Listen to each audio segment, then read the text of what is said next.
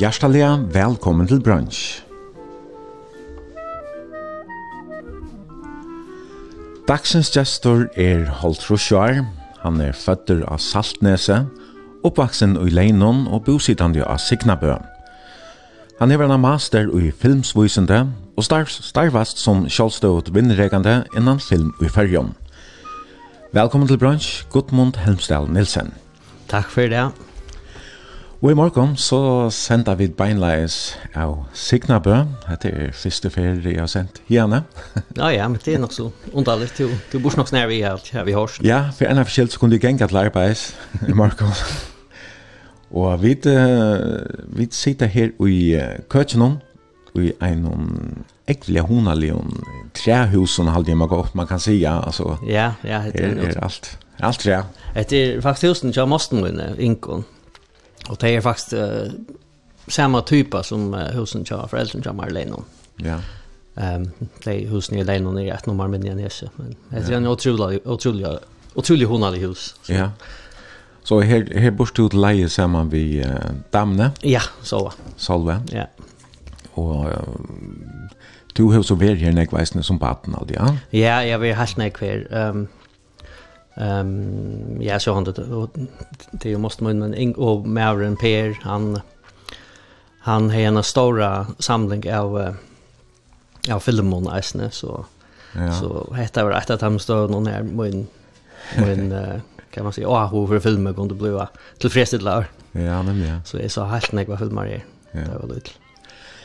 Och ja, här är att det är en en køker her er tre gulv, tre loft og tre vegger og køkeren selv er eisende tre grønner, hva skal jeg vil si ut som en sånn håndverskere køker, jeg vet ikke yeah. om Per og Gjørsland. Ja, yeah, Per var, uh, Per var øyelig, han er så færdig om, han var øyelig hentier, så han, han inrättade allt till han var öjlig höver så han inrättade allt till, till sin hatt, så det de smaste, de når nok ikke opp etter efter uh, Grudon och andra som stannar också högt men nej men ja. Eh mer damer isen och tror det väl att med att och det gjorde han isen och här är här är um, här är alltså en köksodge som är helt fantastisk att vi vid Jeremy att nämligen det gör det helt. Här är det en en sån köksodge och hon är isen beklatt vid trä Lisa Roman men så ju när isen. Ja ja, det är hemmagjord och hemmagjord aim heter isen så nej väl ja. Han är Äcklig hon aldrig. Han är värsta i chatlaren hon så han är ett land på en John är igen ner så. Ja, han dog ju för en katt någon fauna eller så. Ja, jag tror ju för år sedan ja. Ja, så får han. Ja. Vi sitter vi ett ett trä spursebor av trästolen. Ja. Och och här på borren och här hänger två lampor som är ner snära eller dreja jag ur trä och detta man bara på som Ja, ja, det är det är också ett hus som som som är i familjen Jock och här har vi nekva lampor som pappa så. Ja. Ehm um, här hinker nekva förvägen och så så inte ta är lite så flytta lamporna resten vi så så här är alltid en en Han är tjej åtta lampor här, här som är byggve. Ja, och det är Ole Jakob som är på Abdun. Ja, ja. Som är känd för det för att göra allt möjligt ut sig skalor och ja ja sälja han han specialiserar sig för för lampskärmar och annat så. Ja, men ja. Ja, her hon alltid sitta och vi alltid är här också gott jo till att det är allt trä som som slår efter. Det är bara dejligt. Och um, du har rejst en diskop vi läcker om morgon med att i morgon och Ja ja, det är man ska inte svälta. Nej, och kaffe har vi rejst i kanne så vånande just du här hemma där det samma och Sätt den ner och hon att där samma vi och vi får prata om mängd och kvärt men det blir nog ganska mest filmer. Uh, det är något som drivkraften kan man säga. Ja, det är väl den regel travel med luven så här också vägna. filmer. Och det är det som du uh, lever av det. Jag nämnde att du är självstått vinnare kan det någon film. Du har din egna skiltöka. Ja, ja. Helmstall media. Yes, ja. Och här är ganska så tröttla på att ganska den kändaste värlskattlanen som ja, du ja. Ja, ja, det, det är helt visst. Han... Um, han slår ordentligt jag men här här är, är läge allt för, för att alltså hon skulle komma för längre till sen men är mm. är för all in och Ja. Och lyckas med Fair Rain Nigeria en en en helstoppna film som jag kunde sända ut i världen som en alltså. Vi vi får prata näck mer om man sagt mig is nu och det har vunnit alltså längt väl om man för hundra imska viruslöner för för filmen. Jag vet inte allt annat hundra från sånt Ja, Han har ju nästan hållit hundra festivaler men vunnit bara till 100 100 film 6 shit tjej, sånt. Ja. Ja, ja, og du, men tid, tid har ikke bo her så lenge, du solva uh, svarta foss, jeg tror, ja. lett nanna. Ja. Tid bo uh, ut i regnet i havn. Ja, uh, jeg flyttet etter til førre 15, og da bo i en luttel hus som, som populært kallas Dukkehuset. Mm -hmm. Huset Ulla Dokken, her bo vi i, i tve år. Um, og for, flyttet så i, i hus i klokkarstov, i Myhatten her. Ja eh sen drattna så här bor vi tillsammans jätta vi mötte vi möttes så så slog jag in så. Men här ska alltså just matstova nu har vi skilt. Ja, eh Joel och Bo Dam, de bygger upp ju upp och spel själv vi vi filmen och jamar. Ja. Ehm de har alltså eh Joel för att lägga upp en mänstån i chattlaren här så det har vi bara hon allt. ja, hon är rätt därför hon är hemma med landa kunnigarstånden och din hälsa och några är här nästan hemma att stå. Ja, och man ser så är är stor fan av, av baked beans och och hon gör det hemma gjort baked beans så är alltid några de läckraste bönn jag binge löv och så. Så det glömmer bara till att röra natt. Jag har alltid att lätta upp något så tulja som är lite allan så att så att folk ganska som bor i ett färgen eller kommer från alltså att kunna ha också där färgen. Ja. Så det var konceptet går syrt nu har vi vet inte akkurat vad det är. Men eh Salva hon är så i kär i morgon. Nej. Hon är färdig i Danmark här i skolan eller ehm startsvänning. Ja, det är det är fantastiskt att när filmhuset öppnar så så Tina Wagner hon hon har finns ju mäkt och kvärt lära med annat här att sända föringar i Vi startar Svenning, ja, imsko fyrtøkken i Danmark, her er Felicia sistøtten min faktisk, vi var jo i nordisk film og i fjør sommer, og i Trudja måneder. Mm att arbeta av filmproduktion och så var hon så finns jag finns jag en chans att en här sölj och distributionsfilmsföretag och i och i Köpenhamn som är Level K. Ja, okej. Okay. Det är tillgånga som en så vi har nekvar runt i den här bergen i jag snö tot och så är så. Ja, här om bergen i nekvar. Ja. Och ja ja, så hon där först föringen som egna nämns här runt innanför Sölje och marknadsföring av film ja. Hva verst. Det hender at Julia Nekvin en film i fyrrjun fyrir tøyina, og det er just nu nøgru år, og det ser ut til at Ja, det det är egentligen spännande. Ja, det som händer vi har så jag outdoor i hejlon eh ja, en av var det här James Bond det är eller att han filmen skulle tas upp och ta senast att det var så här Disney verkskatten Peter ja, ja. Pan som Här färger reisen vi har brukt där. Ja, det, och det är så till reisen och reisen där lokala sövnar som, som nu i morgon, så, ja i morgon då har vi den här The Hardest uh, filmen som Marianne Mörskör och Bantja Torskisatju och, och, och Rekar Rasmussen har vi premiere. Uh, och i uh, Copy Hot Ox, La Sepi Hot Ox som är liksom okay. den, den största dokumentarfilmsfestivalen i, i, i, i, i norra London. Så, okay. ja. så det är öjligt spännande han har ju frumsynning, nu sa jag han inte själv till värre, men han har ju frumsynning och ej är sista vecka alltid. Så. Okay. så det är störst, här hänt en ägg för till alla togorna. Ja, nämligen. Jag vet inte alla, och säkert stora för gång vi såg film nu. vet Så. Ja. Det här får jag vid att prata nek mer om sajten i sändningarna. Og vi færre eisen i at hos oss om tonelike, vi færre spela tonelike, og Jeg vet at du har eisen just uh, videoløn til dømes. Ja, ja, ja. Her, er. Man kan si som så, ja, ja. De, de gjør Daniel videos, de, de blir jo ikke nek satt og, og YouTube og annet. Ja. All right, med eller. Ja, all right, og farvel kjørt i det. Ja, nemlig, ja. Ja, ja, og Og hun fyrir tonleitje, han har nok eisen alltid vært til stedet til det her, eller hva sen? Ja, ja, jeg har, um, jeg har alltid lukket som Jeg vokste opp i en klassisk hemma alltså pappa då slog mest etter klassisk kontonheim, jeg kjenner oppvaksen i, i klassisk tonåring så så det var liksom grundarsteineren jag menar ikke inte kan man säger Um, uh, jeg har varit 12 jeg jag selv å spille og bo. Mhm. um, efter att jag var se filmen Amadeus här en scen när vi Salieri beskriver ett stycke som Mozart och då är då fortelelsen om hvordan det er oppbyggt, og så kommer oboen inn og lukket sånn. Ja. Det er avskar, men det får bare inn, altså, så, så det er ok, jeg vil slippe å spille obo. Så. Ja, ok. Eh, og det er sånn, det så var det blåftøyda og Anna, men mm -hmm. eh, så det blir jeg som 12 år gammel. Mm -hmm. Og så først du er til, ja, det, till saxofon hade ju det var ja, ja, ja, det var det så så jag började köra det lite mer med efter rockmusik och annat så var det onkel då här så var han också framsackade så så så där fick jag hotla spela. Mhm. Så är Jekyll till norrsaxofon jag brand röst och en en period där. Ja, hon hon var ju äckligt populär i först någon saxofon. Det var öliga störst. Ja, ja, jag hade och det var alltid kvar fair fight tingen från fighter från film jag kan förstå mig ganska Lost Boys här. här var en stottlig scen av en saxofonspelare. Jag vet han och ganska David Sandborg var är som var nog stora forskare. Mm. Ehm um, så ja, det måste jag prova.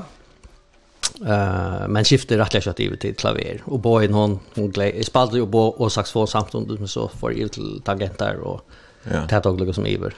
Og spalte keyboard vi uh, Molt, som uh, var en känd basker i fargen ta i halvfemsen, uh, sett ni helt av halvfemsen, kanskje? Ja, ja, ja. Vet, uh, akkurat da var litt nervøs den skolan, så, så blir jeg grønn, jeg kommer frem, og jag halte av alla eller annet varsle, är Niklas Torstensson och Kristen Olse och Eva Åre uh, här vi tar till Nirvana för första fel att det var, i halte av sig här Så okej er ok, hva nu jeg, nå det som en busk Ja.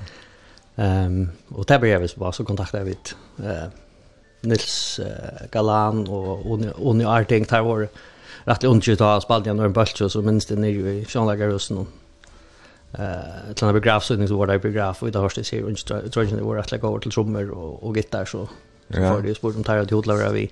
Ja, okej ja. Så blev det så spekliga så ser man på den maten. Ja. Alltså jag vet med Axel Macklund hörs bad vi akkurat början och där. och han får det. Vi kommer sex till nåt här att seitene till vi får nog att spela ett läsne som du går ut i 25 alltid där var her lei. Ja, ja.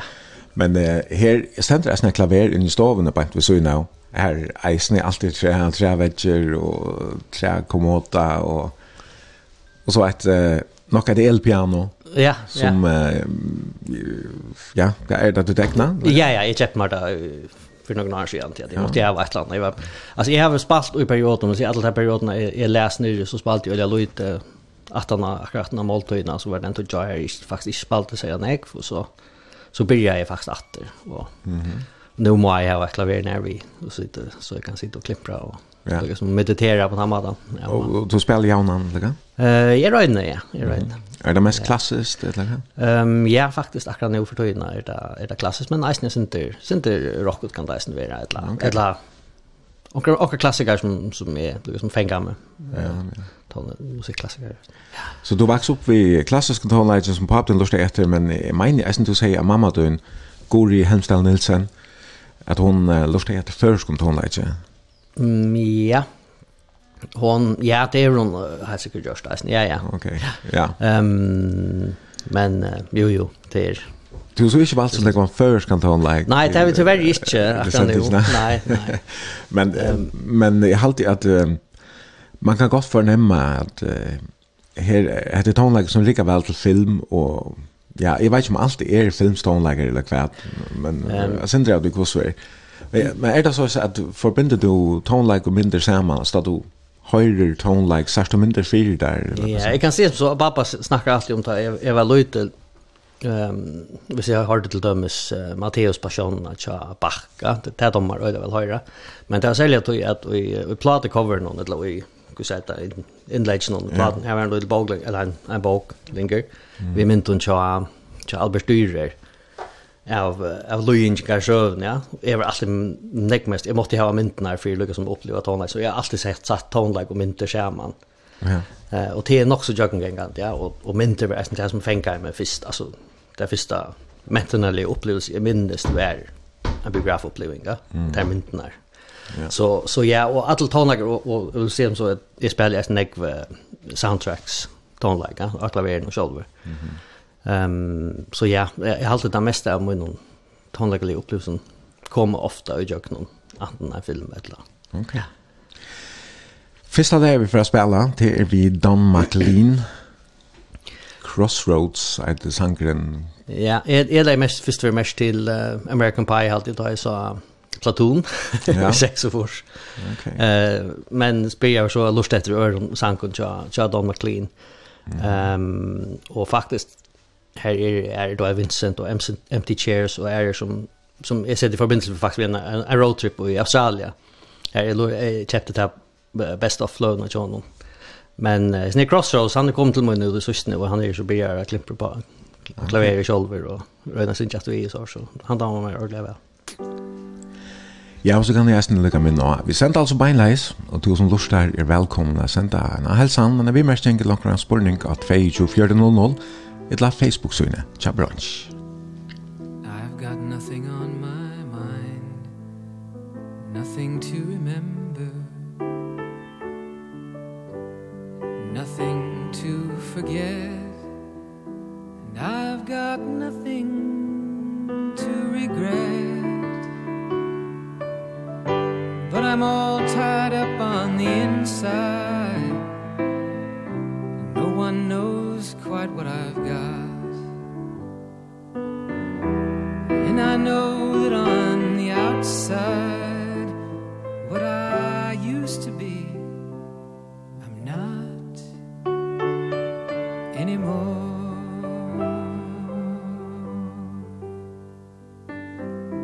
You know I've heard about people like me.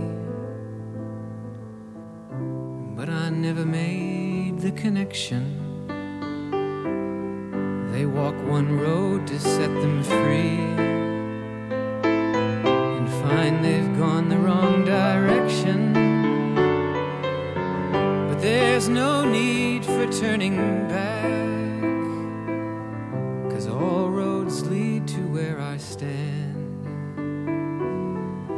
I believe I walk them all.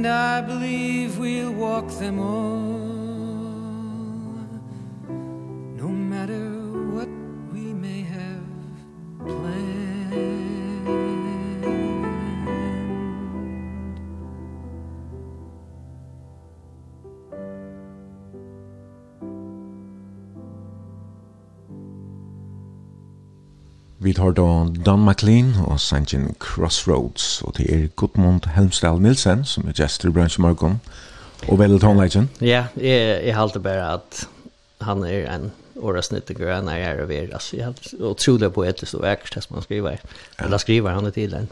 en. Avgjørst, vekker sanker, deilig sanker han bryr vi gjesten. Mm, det er det, avslappende. Ja, nemlig, ja. Og som vi uh, var jeg sender inn i Janne, så uh, er du altså oppvaksen i Leinon, men to er føtter i Saltnese. Saltnese i Estvøtene. Ja, faktisk, ja. Um, Hvordan blir det til at... Uh, Ja, mamma och flott i atter ta senaste sista tusen og pappa han han var ubyggen lærere nere. Mhm. Mm ehm um, sist mig raka var resten för att så så hun var født nere men flott vita. Och Og ehm um, pappa bygde så en hus av Saltnäs han fikk starv av tofta skola underviste halvtid mellom andre toppa och Okej. Ja. Och Tor Mikkelsen och andra halvtid men eh han byggde så i hus Mm. Ehm nu ligger det så bort vid tunnelerna ta ta väl ta låt det ja bort vid Ja, Ta låt det nog så. Alltså just. Mhm. Och han byggde simpelthen bara själv tecknade och så fann han bara på och det är ett helt speciellt hus. Det är en ex som säger som jag är inne. Mm Ehm vi jag vet inte är det åtta eller något imisk ska hatter eller. Ja, okej. Eh Ja. Så det är helt speciellt. Ehm så här bor det. Very fat. Och pappan han är ju danskare, Ole Jakob. Ja. Ehm han underviste i Norrland det är själva Jack i i Batnaskola och han är han vill ju lära skolan så att. Mm, ja, ja. Men uh, det är känna folk kan nog mest för ganska særlig lampeskjermaner som han greier, som er ja. utrolig flott til J.Y. Sard, Ronald, mm. Lex Jones. Men hver, um, hver i Danmark er han fra? Um, ja, han är född i Jyllandet, um, men i halte til i 41, så det banta ta, ta krudje och och og hva så han är akkurat, men til forrige så gusser Abbe var präster. uh, och te var noe syskjen, at att Uh, Ehm um, har tagit flottet så till Bornholm och han är så uppvuxen av Bornholm till till han var nu minns det inte akkurat nu och vi känner inte rätt mer men ja. men han var han var stor teenager då det så flott till Chapman han där och till Tornby här uppe så eh dagar presta sig det.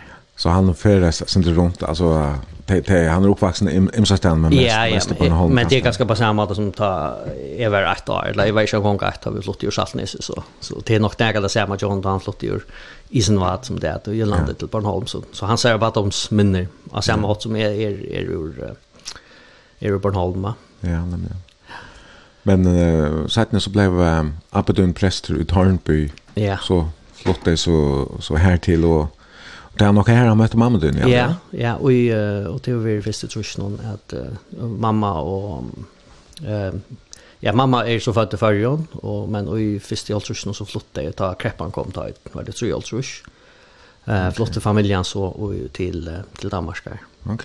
Omma og Appe, Appe sitte vi farmasi, sitte vi uh, var det mersk eller DFDS. Uh, ja, mersk da nok vi jo, og sitte rundt i, i verden, så, så det var praktisk kjønn av her reisende. Ja. Yeah. Och hon är så god i Helmsdal. Ja. Ta. Eh, så att Jeff Nilsson kan? Eh, hon blev hon blev Jeff Nilsson. Så tar jag i Paulsen, Appia Paulsen, Hans Paulsen. Oh, ja. Eh, och om jag är Helmsdal så så hon fick det mellan eller. Okej. Och hon är ju känd som rithövnder och skald. Ja. Och ja, med landa så var hon Ja, hon var den første kvinnelige istjeren som gav et istingasound ut ja. i färgen av förskolan. Ja, lite låt. Eh, och hon är alltid väldigt öliga. Ehm innerlig och hon brukar natturna nämligen i någon så någon inte mal hon är hon är hon är djupt huxen så ja.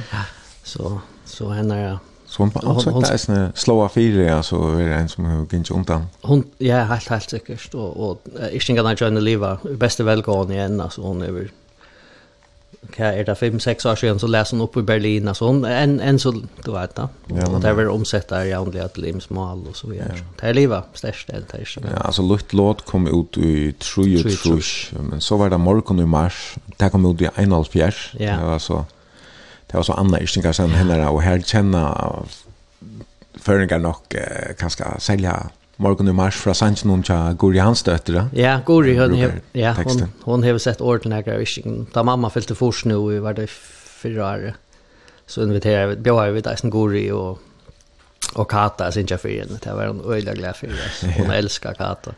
Ja. Eh, mamma er øyla stolt av tog jeg, ja. at Guri tolkar henne grøyskingen. Hon så upp, uppvaksen i havn, mamma din, Ja, ja, under det var i havn. Okej. Um, Men forventa at til pappa din um, ahoen for uh, træskore og list og træ, hver, uh, hver stev at herfra, vet han ikke som, som han heier eisen sin langt av to av bad? Um, man kan se dem så på den måte som, jeg vet ikke, jeg er født ved en kamera i hånden. ja. Eh så tälte han sig nog vi ut han befötter alltså han är från Okej men det var aldrig men alltså Emil Lönneberg där. Ja, men det är akkurat det. Alltså han han gjorde skorar från av smartronker alltså vi vi knuver bara och och okay. han har en onkel som figurer som han gjorde såna här nästan tobelackar som han gjorde. Han är en appa som är grönlandet så ehm det eller var det länge länk Ja, Okej. Eh som så han, men ja, han hever, han hever alt og arbeid vi tre, og telt og alt vi er veldig raskere til det. Du er en eldre syster, som eisen er kjent, og tid er ødel, tid er jo ødel kjent fra kreativ virksomhet, man kan si, si det så, altså fra list Ja, man kan si det så, altså, ja, det er absolutt en par av, av åkere oppvøksere, at vi har alltid vært stimuleret til å arbeide kreativt, og, og selv om vi til at bare foreldrene nesten var kreativ. Ja. Det är väl helt säkert smittat av. Eh men så var pappa öliga raskresten till att läsa för Jocken han läs rinkan och herre för Jocken tar jag ganska över tjej år gammal så så server och stora server här var alltid fyllt och nästan ja och det är helt säkert nästan avska. Bei hoven som är rakel till att till att skapa server. Ja.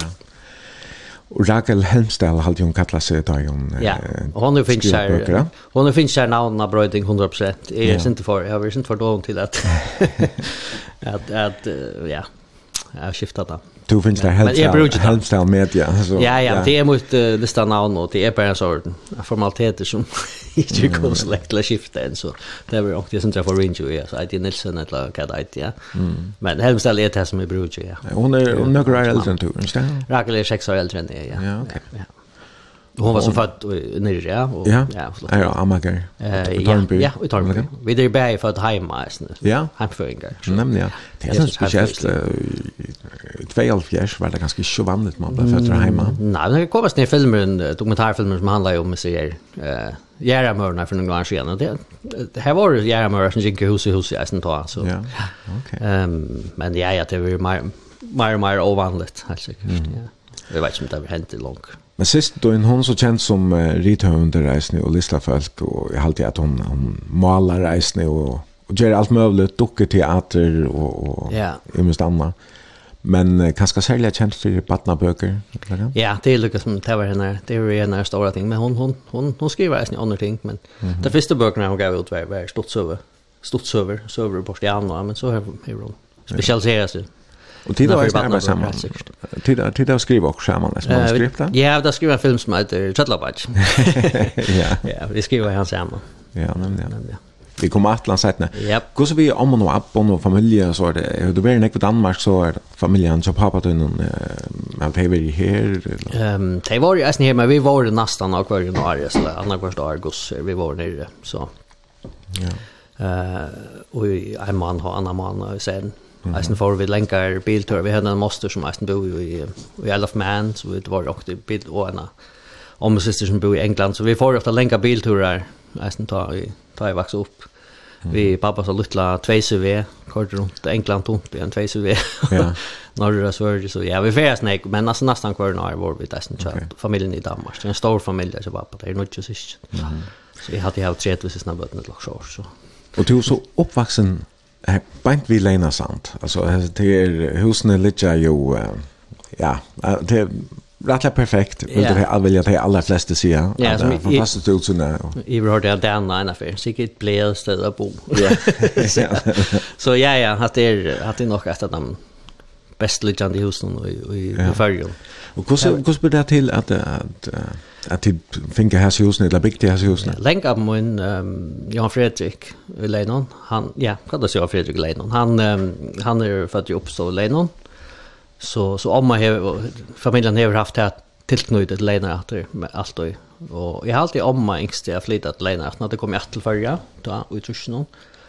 Ehm um, och uppe köpte så är så det är grundstycke eh det är sant men om hej är ordentligt hotla bitch big var så tatt vi vi sant så så har på helt grundstycke och och köpte så ett grundstycke akkurat i början bygden så om man bor så så i leden Ja. Okej. Okay. Alltså så stjärn så. Om så långt ja akra akra början bygden ja. Eh här bor så måste man nu tova. Eh men pappa han köpte så det grundstycke från Abba. Okej. Okay. Lilla vänga och så Och säger uh, om bara min finner hej att att att Lady Hus här reisen som pappa så har köpt från så. Okay. Så tror jag han finns ju.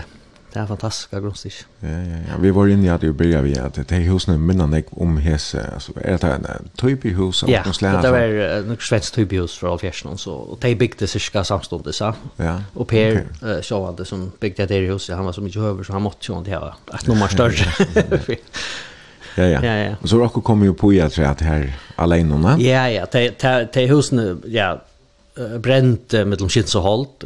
Fick nog snäga vanske att ta en nudge fors och ja. och ta bygde pappa det nog snä bygde han det om och så om, om fram till han så bygde värsta ute i ja. havan och, ja, och ett, ett annat uthus. Jag blir flera för att gång till komma vid och hitta efter träskolan och sån och, Ja, han har han har galleri i chatlaren någon här han vis fram. Ja, ja. Så här kommer man ofta folk av vid. Och jag kan attla att det är uh, gott att växa upp här. Bant vid Lena Sand, alltså fantastiskt fantastisk spelplats jag har som, som, uh, som bad. Det var helt fantastiskt. Och I Ronsen också hade vi ett ankat i Tjomvarsp.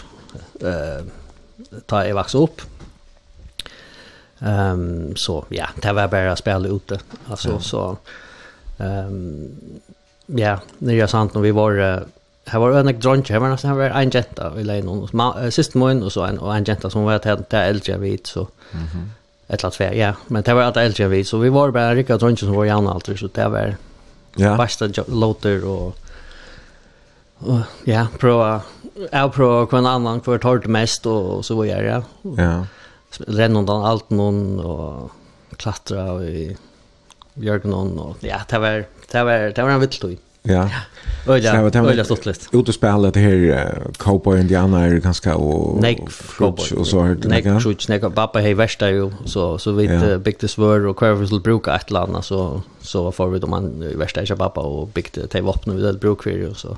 Så ja, det var nej för Crutch som slä. Mm. Ehm och ja ja, jag har ju några stortliga mynter av och ta. Så vi det ju klart och ja. Ja ja, det var. Och så var jag för tre och allt det här. Tuntor på roten och då var ren ont. Det var så mycket typ. Så ja, ja, det var väldigt stort vid du. Och du växte alltså upp åt en genre på i det så levde du här och arbetade vid filmer och, och du fortäller att du har alltid vid uh, av, av filmer som du värst. Allt pekar lite, men var det ganska tydligt inte hörde det att, att AHN blev så stor eller vad? Ja, det kan man ganska säga. Då är det att, att, det är från varandra att du gör bara att det ska i må hava meir av det, ja, altså, til å gå si ordentlig sett seg, Jeg minnes, altså, jeg minnes, jeg halte jeg var tvei eller tro i, i havn, og jeg var begravd sammen med siste måned, og tvarm siste bøtten om Bjørstjø, og bøtten tja Ingolden Per. Ja. Um, og vi så jo også jeg pantaren i begravd noen alltid enn at han bitte skjelles vel noen. Og bare ta, når ta tar mynden noen, det stendte klart for meg enn at jeg får heim og fortalte da, om hva de har sett, og det var den med en tvejse som ända i en swimmingpool. Alltså det här var bara det största som nägan det säger. Så det var liksom det största är bara ett land och i mar och och kvarja för i hur kom till plava om man släpper begräs så så gör det det men men vi hade ju Sean och Sean kom kan vara då vi får ju fortsätta lägga det där. Ja, det är nog mer här Like, Ja ja, men alltså upp till så så tar vi vår dammar så var vi begräs och tar alla tiden det vet. Jag hade kommit sen till för i havn. Jag vet inte så gott signalet var. Ja. Vi lägger någon alltså. Nej, jag det kom nämligen vi måste komma signa på är nästan, ja. Så jag kunde så jag på Per när jag kunde Per nästan. Ja, och Per som du som du säger han har ju en stor samling. Och Per har en stor samling. Han var utsänd till Grönland som så radio hade mekaniker där hade jag. Ehm så han var så tar hade ju han den här rycka filmen här uppe så han så han är en stor filmsamling så. Mm. Ja, det er ett av min största löten det var jag är sån lys en jag gick av. Vi ska se här var såna släterblå och och är liksom den filmen The Godfather. Ja. Ja. Och jag bara förställa Marcus det här så myntna var ju väldigt dramatiska så det var svårskudden alltid som lärde men men så äntligen av pappa undervisade ju koffra skolan. Och så sätter jag mig out Per och Per kort då. och jag vill jag vet jag vill att jag lutar så och han är checkna över bot min pappa kom in i ändan av filmen och tar det allra äckligaste händer då att han var typ chockerad men det var fantastiskt alltså. Så Per han visste han visste vad han kunde. Ja, ja. Så det är störst. Vad gott mål. Jag hade visst varit spela en sanka. Yep. Og um, ja, er det noe eisne filmstånlager? Hva skal vi vite mer i Vester nå, liksom? Ja, man kunne lukke som, nå blir jeg filmsnørdar i her, så, ja. så et av de største ting som hendte for meg var, var at jeg som 13 år gammal, alltid, eller 12-13 år gammal, slapp jeg ble limer filmsfillan noen. Det var annars 16, minst 16 år alt som Ja.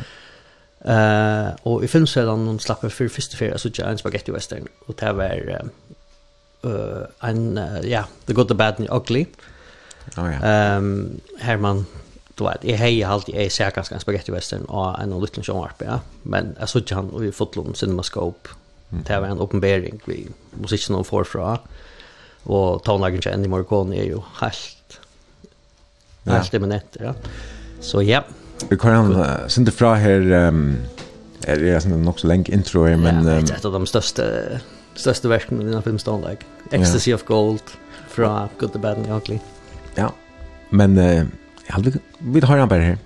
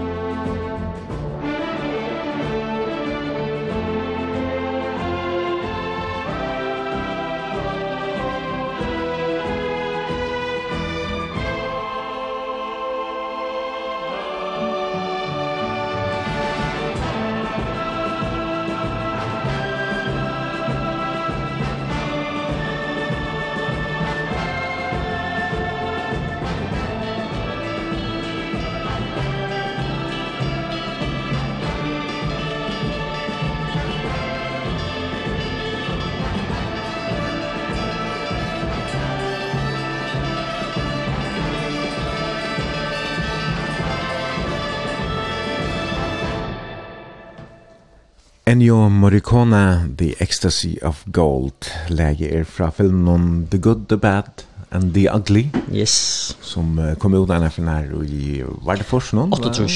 Er han så gammel? Ja, ja, ja. ja. Ok, ja, ja. ok, ok. Ta, ja. barn i var føtter. Men... Ah, det er ordentlig. En cowboy-kjensla. Ja, ja. Cowboy-films-kjensla. Det er det blivet til, da. Han, ja. han, han skapte et sound. Uh, mm. Mer näkare, alltså. Det är han att... Ja han var så en helt egne. Jeg er ikke, ikke som, mm. som kan komme opp bak nøyene. For her er nek som, her er nek som, som Røyna har kopieret det som han gjør det, men, men det er stadig ikke det samme. Jeg vokste opp i Trinity-filmen, og det var et svar det italienske spaghetti-western, ja. men, men det øyla komedie slir eller så så. Ja ja ja, det var hesa hesa var en stortlig men här hade nämligen att det här vi att tar runt inte vara stortligare. Alltså det var tongue in cheek som man säger, ja. Alltså ja. Att man spelar man kör humorn vid en en allvarsligare allvarsligare uh, Andis kan man ja, säga. Men, ja. Så ja. Ja, men eh Gudmund, mont eh jag vill lugga mig. Vi sender alltså beinleis av Signabø i dag og tusen lort er velkommen til senderne. Vi mörs in Långkransborning. Den hälsan att 2400 eller färna Facebook-synet til brunch där var B R O N S J.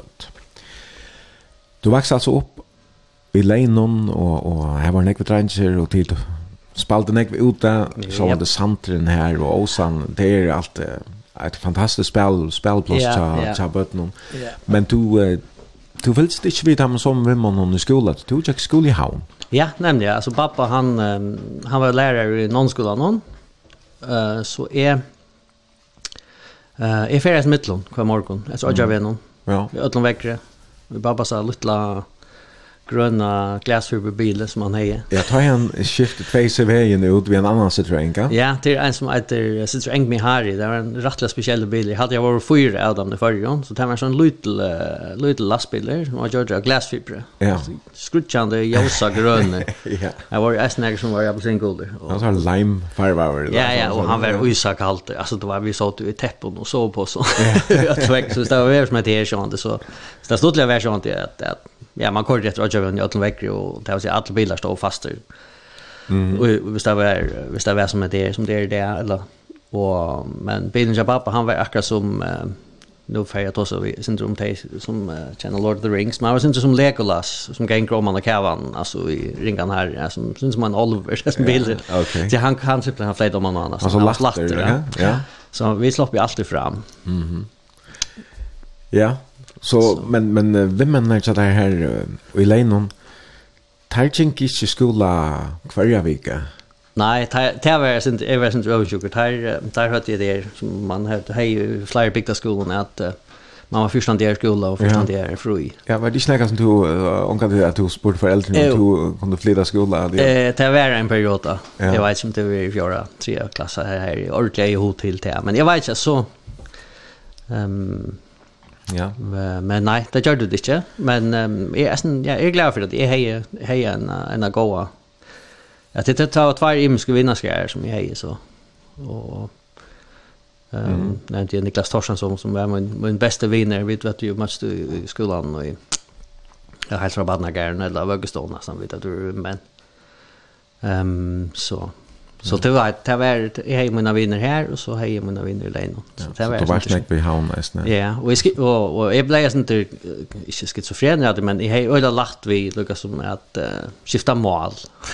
Så det var i havn så då säger han mål, det var där och då säger bigta mål. Det var sånt så. Eh man det ganska för inpassas eller gjort ganska för inpassa med. Så så så det var det var en par av det. Men... Så det är først i årene i Nonneskolan, og hver, hver Jack Lion så? Um, ja, så, var jeg, så var jeg i kommunskolan. Mm -hmm. um, Framastelten? Ja, framastelten i kommunskolan. Flott vi, vi flashen kommer her. Um, og det var om det måned, altså, nu, nu kommer vi vende ut til filmen, men fick hun fikk sjånvarsp kanskje ta over 11. Så jeg gikk alltid til Amma og hukte, hukte film her på en dag, Men vi fikk sjånvarsp, det var 13. Ja, ok. Eller, jeg har sett han Hjørstan. Og så får jeg all in. Og i, og i filmsnart er det. Ja. Så kommer man leie filmer i havn og, mm -hmm. og, i, og i SAJ og hva det er. det er mye. Ja. Videohandlander. Ja. Hva er som platebaren? Platebaren, ja. ja. Mm. Og så er for all in. Og bare, da jeg fri ur skola, ja, jeg kjørte en leksjon, men jeg hukte bare film alle tøyt. Men så var du vært du et byrja å spille og båt og alt, ja? Ta spalte jo. Som du sier, ja. Og det gikk jo rettelig vel. Du fortalte meg at du spalte vi GHM, og en dag er vi Færøy symfoniorkester. Um, ja, ja, det var nemlig um, jeg, alltid, ja, jeg har ganske vært 16. Det er nesten at, for jeg venter til filmsnakket, Eh, jag minns det var ett att en av de största tvåstövna jag kunde säkert skriva intelligent vis om det. Det det var det att um, akkurat samstundes som um, konserten skulle vara i symfoniorkestern så visste um, filmsfällare uh, Ran som är en den största nu just största filmen tja tja um, Akira Kurosawa som var min instruktör då. Så jag hejar så två stunder ska alla färra spela. Det är symfoniorkestern eller ska vi hitta det film då. Eh Vi gjør det ikke inte till till arbetar fotla och for å som nedgessen til at det er kjelvis det manglar någon båspillere, men jeg minnes til at dilemmaet til å være rævlig, rævlig situasjoner var eh men är ända så vi hade startat inte chans ända för den begravt. Okej. Så gick bara. Så skulle det vara färdigt. Så går. det. ja, jag måste han han var i fjör i London, jag måste färd, men Man vill inte ha en fara som du inte ser för hans här tiden. Ja, jag har sett filmen, men det, det är som sagt, man vill förvänta att det är ett annat så jag filmen i en biograf än så jag. Ja. Ja, du har rätt stora skärmar, men stadigvæk, det är inte så. Nej. Så. Nej, av var värst. Du uh, fortalte meg eisen at du varst av malskole i Jonkland ut av til en nødgjent og tødgjent hadde en sommerferie. Det var nok en stortlig oppleving, eisen. Ja, ja, vi var fyra dronjer, um, ur uh, ur kommunskolan så får vi ett eh, samman ja. om skola. Det var väldigt lätt. Mm. Eh, det var Bournemouth nämligen. Och var det Liverpool som tappade mot Bournemouth akkurat nu, Luka Beach. Um, det var, det var stortligt. Um, ja, ja, det var, jag hade det var det första första utanlandsferien är för mm. så är själva. Men kvart så direkta student att när touchen där eller vad? Ja. Ja, jag får bara student och börjar i um, det som det kallar ett flockren som är en helt nudge flocker, en nudge linje som uh, Jonar Mikkelsen och Hanne Jakobsen stod over fyra. Her vi tatt norrønt i stedet for dangst. Ok. Og ja, og Jonar Mikkelsen var en fantastisk lärare så han, han var øyelig inspirerende for Jakob som gikk til flotsen. Vi ja. møtes enn, og ja. Jeg hever, han tog inn hever helt særlig plass i hjärsta, och i hjärsta. Ja. Um, ja. Så det var um, amolslig delt? Altså. Det var amolslig delt, ja. Og Ja. Så ikke så några dranger flash nu kanskje helt. Nej, vi var vi var Trutcher och Andreasen och Rune Olsen. Ja. ok. Eh så ja. Och vad vi jätter. Tums ja, Gunva Andreasen, El Mikkelsen Å och å ja. Middelmanna Akkurat som Ja ja. Medelmanna. Jag känner. Ja, nämligen. Och Kristarsvällen. Ja ja. Det här, hur vi vi filmen och så att vet henne att det finns vi här i höjden nästan. Ehm ja, jag minns nämligen ändan ett flash någon. Nej, ändan första grejen så sen nu när att en när är ju allt och vi film och så vidare. Så så började vi att göra en film nämligen. Och det skulle handla om en, en drunk som får Västmanna till, till Havnar en ross en gäng student. Men eh, det kom många långt än till vi tilltar och det stod att snacka och vi började filma och vi vet inte vad det här upptagna är. Ja, men, men det minns det var rätt coolt det som det görs men vi kom inte långt än till att vi är vi gick till Västmanna och gjorde det. Men eh, och så gjorde vi ett en en en, en liten tonläggarfilm alltid gör en Okej. Okay. Ja. Etter tog jeg skrev bod og stadigvæk leien om la vært flott til havner da? Um, jeg var, uh, ja, altså, som sagt, nå ikke først så brent jeg, det akkurat da jeg begynte i uh, student, student, og jeg arbeidde jo i Griflenon og i Havn, um, som er, ja, bok, bokhandelen, eller, ja, ja. hva er det så er bok, hva er det nå? Ridderroak, ja, ja. Um, og til, til jolene så ringte jeg knapt jo leien, og det var eldre i husen, um, ja. og, um, og akkurat, og, og Og och tävla så äldre blev slakter och och och vad heter? Men här var Nico skei, men det syns så halt och det det var kameror som är som var här som fick största skia. Ja. Ehm och det var liksom det var så här får det som mot Battoms kamera och och är flott in i en och är bo någonstans en ubo som var i havn, som om heje och och tänker så någon. Ehm vi flott i till om mig snart när med en hus blev okay. inte byggt och så är så är så bor vi så var mer mer i hamn så så bor vi faktiskt bara här från. Det var ta ja. Det kom hålla u kaminna eller klart där. Ja, ja, ja, det det var um, ja mamma var ensam att lima pappa var till arbetes och eh Och till när vi här kaminen var rosta, skorstenen var rusta, ja? så så hoppas det var nästa kom in i lång. Okay, ja. Men men, men det klarar jag slash elden och annan ordentlig ja. brättes ja. Ongen ongen manskej. Ongen manskej och mamma hon som där första så så bjärgar hon öllon mynton och och filmon och så är jag som som vi hade eh ja. Det var liksom det första hon får ett tojtung ut och så får det igång till slusha. Och det var faktiskt akkurat här som det la och mot kamer som fick största vattenskian. Okay. Så det var gott huxa. Det var väl huxa yeah. som åker säger länen. Det är grovt nog var fiffi. Jag för rätt då. Ja. Så ja ja, men det var nog så chockerande akkurat då men men ja ja, men nu husen blir så inte byggt och är blir en redan en penare att något det är så, ja. så det var bara helt i ohelt. Så du flott i här en en uppbrod där kameror. Jag tänker så någon och jag kan attla att att, att timmar som du brukte på hitta filmer där blev bara og flere. Ja, det var där eisen i men ja, det var det att du ta hej bara så lustland då hej hej sen tält ta och så där Amiga. Så det var en liten tält monitor. Okej. Och så en videomaskin som jag sa att första tommar där kan det är det är inte extern en telefon med delen, men en iPad ganska. så, men men ja. Men alltid du fortalte meg at du hukte etter en 2-3 filmen Kvönt ja. Det gör det ofta ja. Och och och det är om att om att om att ja. Vi gick gas neck vi gick gas neck bygga efter då. vi. Eh Sean Lagros någon nästan ja. Och fick så Eisen star vi Sean Lagros någon. Så vi vi vi Kristen Beck kamraten som har tagit Erland Jansen och Jonas Block hade vi ett arbete jag hade så lite. Ja, jag begraf. Du är du är nog så snill det att du sitter och hugger filmen om flyer för om att du hänger med två videomaskiner. Så. Ja, ja, ja. Jag ska se att jag kopierar filmer. Top shop. Sorry. Nej. ja. ja. Ja, men, ja. Uh, men ja, så, så hemma med like. Men också du sa så vi ser en film, jag minns det, ja. Jag kunde spåra sin fram, men till döms då Reservoir Dogs kom till Tarantino. Mm. Jag lejer han och man hejar han och jag vet inte så man kan leja där tvär, tror jag det är också. Jag hade så han då, fyra, fyra, bara. Det var ofta så, okej, vi ser ordentligt om det, så pff, Så så hon det visst själva och så okej kom du måste gärna ner och så bra då är det så chans så. Minst det här man glömde Alvaran och så att man lägger det här eller ganska när vi gick tvär så ups så ska man betala båt. Ja ja. Ja. Ja, det var det. Och vi tvärs så kom så en bench på båten blev så stor och man touch för att vi någon nästan. Ja, ja, ja, ja. Det var ju gott. Nej, jag har alltid varit också donad lite lätt. Det är men det leder kanske ofta bättre att köta att visst det var också. Ja, ja. Men ehm att det var nästan att här biograferna var uh, där örvus i i den där. Han tog, tog här films uh, etterlid ta isne som skulle godkänna alla filmerna som blev vuster. Ja. Och neck för blev censurera i. Alltså det blev så vuster för ju tog det var för fredger, ja. Fuller, eller grover och omkring Det blasfemiskt ju. Det var eisne ofta. Ja. Ja, ja, det var kvar då.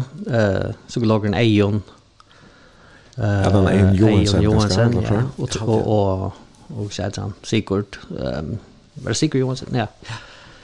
Jag minnes nesten ikke navn, det kan være onkel Lorstein. Ja, men, men Teir, og ja, jeg tror ikke det er eldre menn som, som, som, som, satt i, som, som var filmsatellitet som satt så. vi vet arbeidsjøren til begrafen, det var stått så å så åkte så fann man eh, i til dem at ja. ja. Så det var nog så skrevet. Så selv det som arbetar her slipper inte så sitte av filmene, eller kan? Uh, jo, jag gjør det vi ofte, okay, jo, jo, jo. Okay. Det var kanske en som hette Henry and June, allt det som var nok rettelig erotiska, ja. ja. Så det var nog stort att läsa, läsa notaten notatene til mot att vi utropsteknen, det var et alt. Vi en sånn som Life of Brian, Blev han nærkende vuster før, ja? Uh, Filmseleie, ja. uh, slapp en til å men jeg Så sa han, men det var en för boy filmer.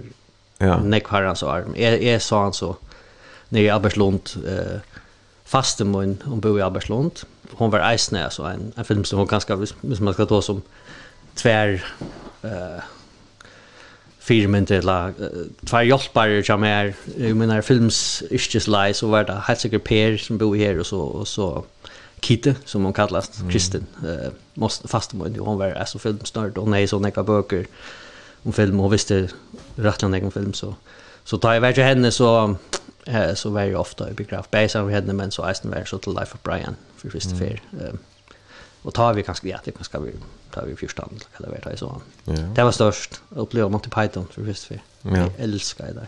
Mhm. Mm ja, men han, han, han slapp så jag någon annan eller så just. Jag finns en och så. Så blev allt här. Ja. Sen så var den skippa och så helt ovis. Så filmsfälla är det var ju ett privat fel att det, det kunde gått uh, vissa filmer som, som var censurerade i, i biografen. Ja, ja, ja. Okay. Visste den mest Last Passion of the... Mm. Nej, jag säger den. Last Temptation of Christ, nämligen. Ja, Martin Scorsese. Okej. Okay. Ja, när jag omdiskuterar. Ja. Ehm ja, du ju så att spela vi Uh, grunge orkestern och rock orkestern och mold ta jag vet inte var det 18 år student eller Ja, vi, vi börjar, ehm vi har som jag nämnt i Arna, vi, vi börjar faktiskt bara att han Ja. Ehm så detta ska kanske i september i 2002, nej, uh, 2005. Ja. Eh, jag börjar prata om det och så, ja, så jag Niklas och Kristen vi så skaffa vi liksom och Axel Makt och Shadi så. Ja. Skaffa vi så där sista managern så blev det så sin utskift så först men vi tror jag 2005. Hade vi dock hade by. Det spelade vi mest coverlö. Mhm. Jag hade vi det ja, ett originalt lä. Eh, allt över. Var det Illum Chillum? Jo, Illum Chillum. Oh, ja. Som som inte alls går ut av flöve men men vi spalte en rika cover då vi spalte Guns N' Roses vi spalt och Pearl Jam och Black Rose och The Doors Light My Fire spalte vi då. Ehm och så ja. Kvar spalte det det var inte till dans så så. Nej nej men det det var den kappen som är Sean Lagerus, va? Och och det här så ända vi Ilum Chillum och vi ända vi vinna till kappinsna. Och ja, och det var liksom så så han sank kom vi beräkande innan paddeln. Ja, han blev ett hit. ja, går så till konserterna i manna mun. Ja, han kan inte ut. Han blev legendarisk faktiskt. Det var pilsväger hoppar runt och och okay. skulle jag. Ehm, det var det stort lätt. Um, men att han har tagit konserterna säger okej okay, vi får aldrig att spela a cover det vi får bara spela Jerry då tål så mm. arbetar vi med vi spelar vi Jerry Rekna. yeah. material Mhm. eh uh, och spalt vi vi var också underground alltså vi så hade vi vi lade ju upp på att grunge tone någon som vi har ta ehm um, eh uh, men nästan blandar vi vi har fjärde tone liksom vi tar att jag spalt keyboard jag var inspirerad av det och har fjärde från Maja Eisen så Jag runt jag lägger min doors. Ja. Hammond eh jo never. Okej. Eh men alltså ja, det var rock and roll vi spalte sned vi spalte ofta sluppen i Höganäs vi spalte Shipas min som knäcker som stottliga pop up konserter. Okej. Men det var ju alltså nu du nämner Halfhamsen 92, 93, så det var ju akkurat i kreppan rakt i förrjun alltså här. Eh pessimismen var rettelig utbreit, og folk flyttet av landet noen, og så hvordan var det vera, vera unger, vera, hva hadde det vært da, 18, 19, 20? Ja, 20, cirka, ja. Ja, Ja, det var nemlig øyelig, um, Alltså har hej sånt är hej ambitioner om att det var akkurat när en en haskul i Eppeltoft filmhaskul. Så jag är inte hotla färdig här. Ja. Eh det är att jag också är färdig i 2005 så lika det var. Men men så blir det inte fänkar jag oss ner. Boost nu vi fänkar vi vi har spelar tonlike. Kanske fel fällskap någon nästan. Och fällskap någon och allt det då. Alltså det tog lika som iver och så hände kreppan och och det var sånt ja, när det var sånt motlös i halvtid med de unga akkurat då. Och det kanske vi har haft vi förnuftigaste affärer nior då alltså visst är att det var näck som gjorde det men men vi valde så ordentligt bara fävna det. Tan undergränsen eller att det mm. motlös och kanaliserat in i i i rock and roll bara. Ja. Okay. Så så ta ta kort vid vet kort så i några år. Det går en tvär flöver ut av det kosvärdan. Ja. Och så var det vi onkelnörer nästan. Ehm Rocky Ferrion och så Ja, uppsamling. Ja. Men men tvär flöver alltså i 6.5 och 6.5. Yes. Ja. Ja. ja. Och så var det vi i preföljar kappingen i Eisne. Ja, vart det 25, eller kan? 55. Vart det första preföljar? Jag minns det omgången att det var det 55. Halt att den första blir förra kapitlen. Det var ordentligt stortligt. Ja. Alltså vi var spalt i Sorut, det var alltid det att spelet jag kunde spela var alltid i Sorut, det var så garvigt. Ja. Eh och tärs kapitlen som vann vi den kom så vi är några dus och körde så tät. Vi var så inte, vi var nog så anti, vi var så anti autoritärer, anti allt möjligt. Så tät då ett tone like och capping tät följde vi det inte hörde samman så så vi lyckades ta det spontant i ägarna på ett år att Leibo man i hapihus och färger några såna trotcher typ. Det skulle liksom symbolisera ett heter bara en capping Ja. Men ganska vi skulle haft valt imska trotcher för imska fotbollsspelare så att så var vi var mött vi då helt när sen de boa på den vägen alltså så. så, ja, så det var ganska shit jag nog så men det var rätt stort lite. Så man tar sig om den alltså det. Ja, till Mr. Besextet var det. Det gjorde vi då sexuellt andra resan. Ja, nämligen. Men vi var ju alltså happy resan det flesta jag. Det är såna helt annat. Du är alltså men men till det är det check kollektiv här det var flera som bor samman. Var det limer i mold eller vad det är? Ja, det folk eller. Ja, det det var det var inte bara det var kristen och är alltid ja. Som bor här och så så några några vem folk. Mm. Ehm och och så blev det vänja i just ner hus nu.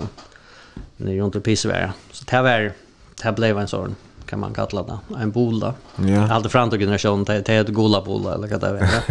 Och det var den reja. Ja, okej. Så, så ja, ja, det var en öliga fin hus, det var en fyrvänd härskapshus, så att den har kippa för landa. Ja, ja. Så jag har alltid vi var ganska synter. Och här bara, vi ser bara om skilta till familjerna nu alltså.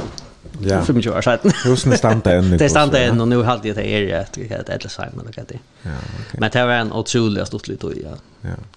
Vad är det som du säger, öla största arbetslösa i förrjun, men to hej så och du, du arbetar ja, i likehus och allt det eller du sålde biljetter här och yeah. och rider rock sig då är det. Det var om som tog så du du hej arbeta lucka. Jag hej arbeta intill men men akkurat under kreppen så så blev så kjallagare hos i ästen så stäckade jag till ästen ja. Ja, okej. Okay. Så det var faktiskt en, en ett år eller två vi biograflös i han har bio öppna.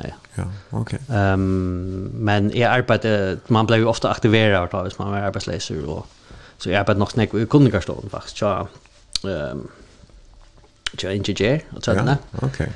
Så och då har vi gjort det att möjligt och här då är Jola men jag Nils Galan och Jola men då har vi gjort det att möjligt så här. Så, små små jobs, små små jobs runt omkring. Ehm Men så fick jag alltid i sex av fick jag arbete och flagga i någon. Ehm bacalao var vart att inte öppna då liksom. Vi fick oss arbete bacalao. Ehm så här arbetade jag ett halvt år som som packare. Mhm. Mm men men skifte så över till att bli vaskare det det fick samstånd så be om alla filmer och i Sjövartnon. Ja ja. Ehm SVF om SVF är sändningen så i om allt lyckas som slappa välja en Okej, film. En lista film på sju rikvene ja. först uh, en av rikvene. Okay. Så så så det här blev jag först för var film om eller. Ehm och och så fick jag så fick jag så fast arv och i det som heter eh ta tog ut uppsändningar och i från DR och TV2 så är så jag sett och banta i sändningar ja, okay. så slapp jag sända. Och så fick jag så mer mer. Kommer mer mer fick jag få den om kan man säga. Ja. ja. Ja, men vi får spela en sang vi målt. Han heter Mary Jane, og er av til ene fløvene, jeg vet ikke at han fyrir til seitene? Til den seitene fløvene, ja. Ok. Den grønne fløvene, som vi opptog live i Solarmark, av velbastia. Ok. Hon var innspall live, ja. Hvor er du skriva sangen? Orla. uh, är det Niklas? Ja. Niklas skriver de flesta sanjerna så jag håller ändå ner i Niklas skriver. Och att det så i fälla eller så. Ehm ja, det gör vi ofta. Alltså Niklas han han kom öl ofta vi vi någon barn så så han vi det fälla men han hejar ofta när klar det hur det skulle tänka sig hemma. Okej. Okay. Ja ja, vi tar det här Molt och Sanchen Mary Jane.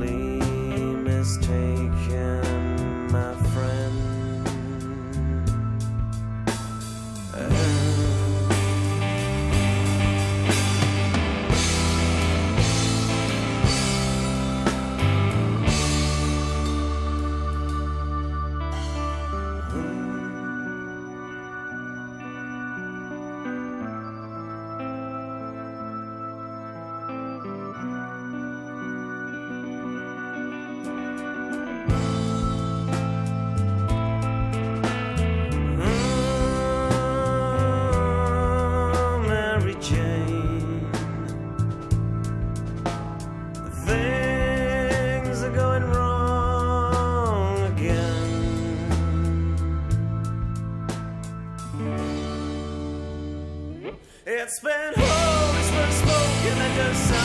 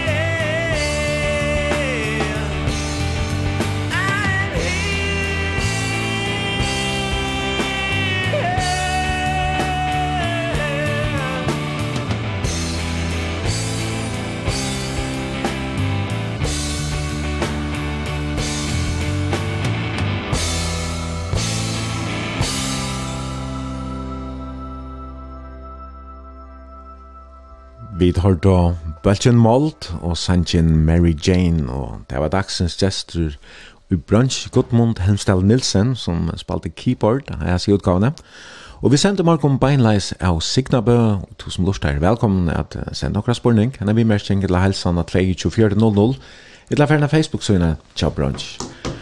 Og Arne Karte Sanchez fra, ja, så tåsa vi om mold, vi tåsa om halvfemsene, at det hadde vært unger i färjum. Alltså tog att han i måltlöse var störst och arbetslöse var störst. Men här var inte måltlöse. Nej.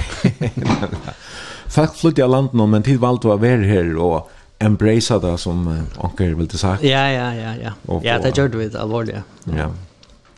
Och du var så började jag komma inom uh, vi sjön vart någon nästan ja. som ommällare. Men sen så så fick du större like-loader här resan, ja. Ja, jeg... Um, jeg slapp at uh, vi har vært en nødgjørsending, mm -hmm. sammen med Katrin um, Petersen. Her vi lukket som skruer i alt programmet sammen, og hørte i ordet spreka når bandet gjør nødgjørsending i vørslene. Ja, ok. Vi tonelaginsløven. Uh, tonelaginsløven og, og, og kjemtinsløven og øtlemøveljon. Og jeg slapp at gjøre onkra, onkra luttla filmer men mens jeg gjør en film om om Jola stress minns det och han var inspirerad av en film som heter Koyanis Katsi av Philip Glass eller här Philip Glass är just online en, en film som bär i mynter och ehm um, som visar kaos i hemmen då. Ja, okej. Ehm så är gjort att att inslä om Jola stress med filma SMS vi vi ett vi som John Philip Glass stämmer det. Det var det var Ja, det har stått att klippa. Och så gjorde jag det, så gjorde jag filma i Onkel inslag. Ja. Och och sketcher vi, vi ri och torkar och så sånt torkar. Det här som första för här du vill slappa att, att arbeta vid att, att göra film, alltså att ta ja. upp och klippa och professionella utgör. Alltså. Ja, faktiskt uh, professionella utgör. Jag, jag har ofta sitter bara själver och vi, jag har två videomaskiner så jag kunde sitta och klippa. Jag har ena maskin här jag, som heter så sort uh, jock wheel som jag kunde sitta och, oh, ja. och, och som, som kunde brukas till att klippa men Men det var det eneste jeg gjorde åren, det var klippet av videomaskin. men, men, vi har men jeg minns det at det var, um, det var VHS, ja, ja, okay. ja.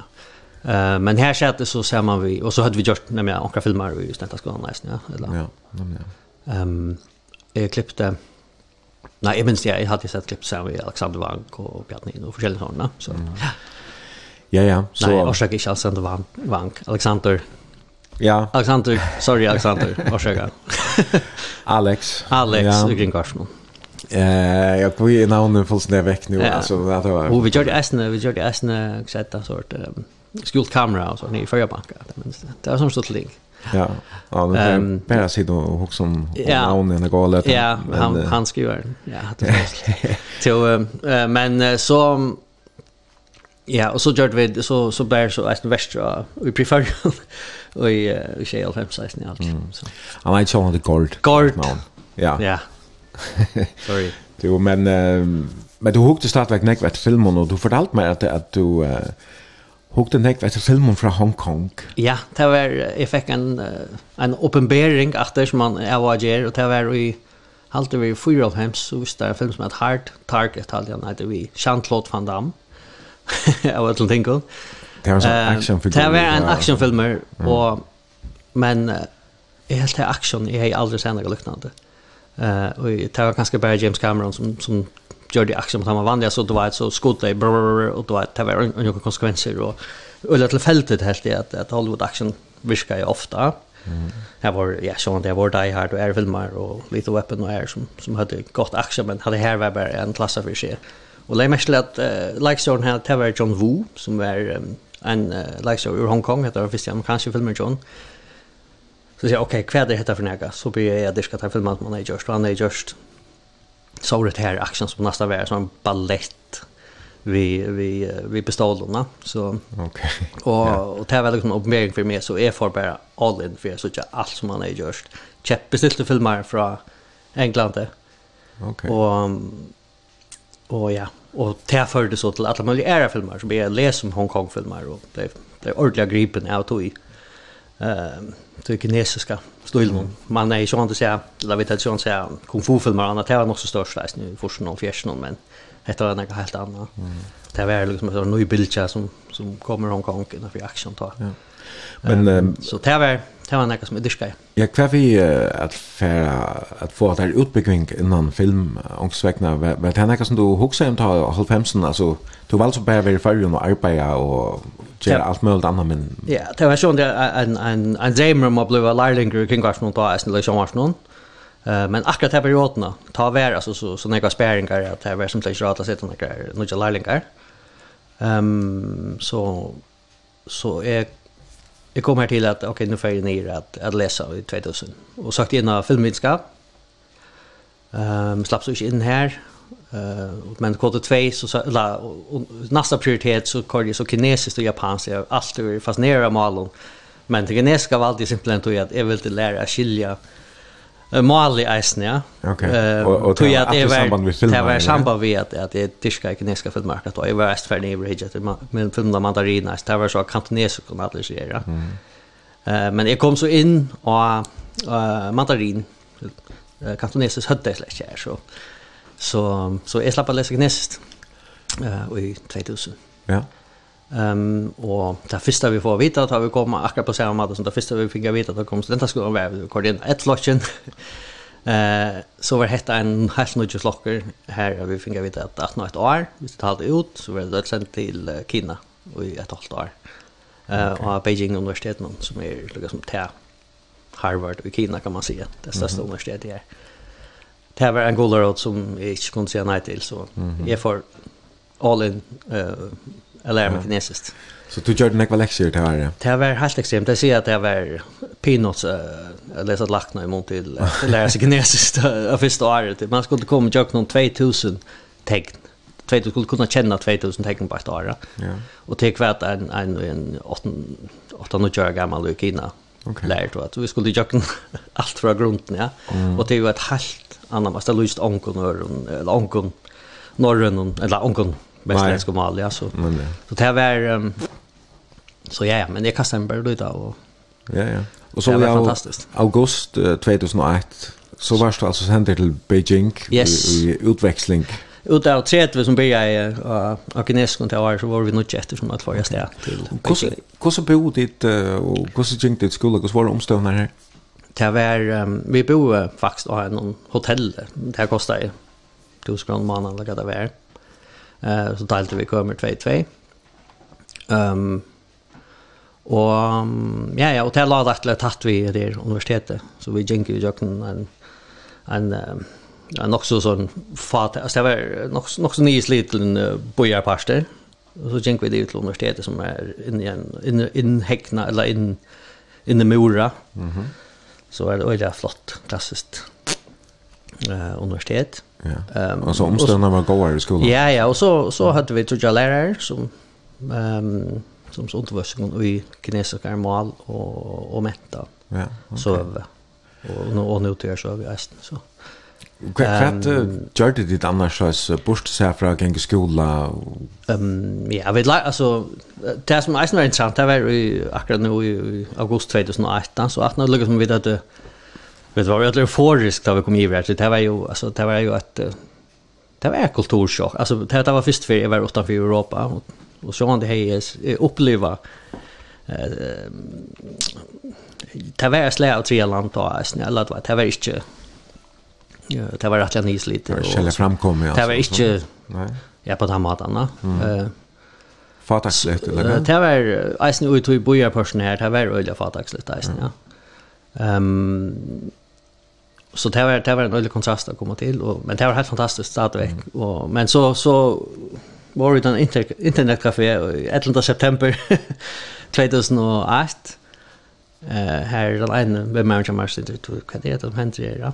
Och Ja, går och rätt flow för det då en annan byggning och sådant det tar kanske en toj så en en en en minut att upplåta en nyhets en grej av politiken eller vad det var det allt BBC och allt annat var just och nere där Det var censurerat. Ja, ja, men ja. det är det är danska det är danska tvinda Milan tar vår så öppnar ja. Så och så vi sitter sitter och hitchar cashier här så kommer en amerikaner ju till och nattan från och säger Are you guys Americans?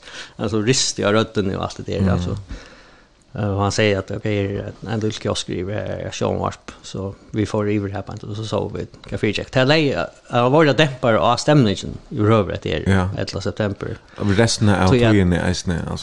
Rättliga lunch att han då, att jag vet vi var en halv över här spars och då så kommunikationen var rättliga ring så vi visste ju att kafécheck alltså. Nej, nej, ja. Ehm så det var nog så intressant. Ja, men alltså så vi kort vi är så är men men det var att det avverkar och nej. Alla Heimeren blev ju shellcover den där igen och så kan det bara omända mig och ställa över i Beijing kan man köra för att ta några grann för några ordla och han han oversan osäkerheten som som nog brejer sig alla ställen och man också man också är ju ganska där tre väl där det som ja, ja, lite ja, ja, det var det var nog så men men men här vände jag med till ut och kortet att länta men och så att spärkliga så kunde man köpa bootleg DVD av att en någon och så var det tack om ut och gått den efter så ja, så vi kunde vi kunde så jag rippa er utgåvor av Jean-Marc Nudges inslån och så så vi fick lyckas med hotlingar och vad det var som är rent av spärkliga men så du sa han var filmer här i Bresna. Ja ja, här här så vi vi hade då ett. Mm. Att det helt är så lågt men alltså man kunde för ut och köpa en DVD för en krona ner som går till handlaren ja. så vi kunde söka det som det hade ihop till. Mm. Och kvart levde det där av SO eller? Vi levde av SO men här i vi levde vi det som grejer alltså här en målt och en öl en stor öl kostar en tjej kronor eller vad det var dumplings och öl där Det var nog så fast så. Okej. Så jo jo vi hade vi hade nästa utli valder här resten ja det var kanske så det var nästan den bästa maten att lära kinesiskt på att det var från mån lokala bar. Vi hade en sån utvara utvalda bar som vi var ja. Picka lite i ner. mm lilla fataxli götna som vi var ju eh väsna var ju så där hygienisk minns det. Det var mist och kvällarna och det var bara morra och knappt Jackman sig in i ankra som sett och gjort nummer 2 här men så ja ja det var det var också och det var då Ja, det är gott och så gör men så ja ja. Men um, men här lärde vi Nick. Ja, lärde det uh, vanliga kinesare att känna så nu bodde det hotell och så där så Ja ja, nej nej, det, det vi alltså sälja vi Jökn och Tej. Vi hade ju en en en flock som tog sig av och så vi hade kvar så en tutor där här i resten. Ja, men ja. Så så vi lärde resten folk att känna på den måten. Och så Eisenberg i i Norrtalund.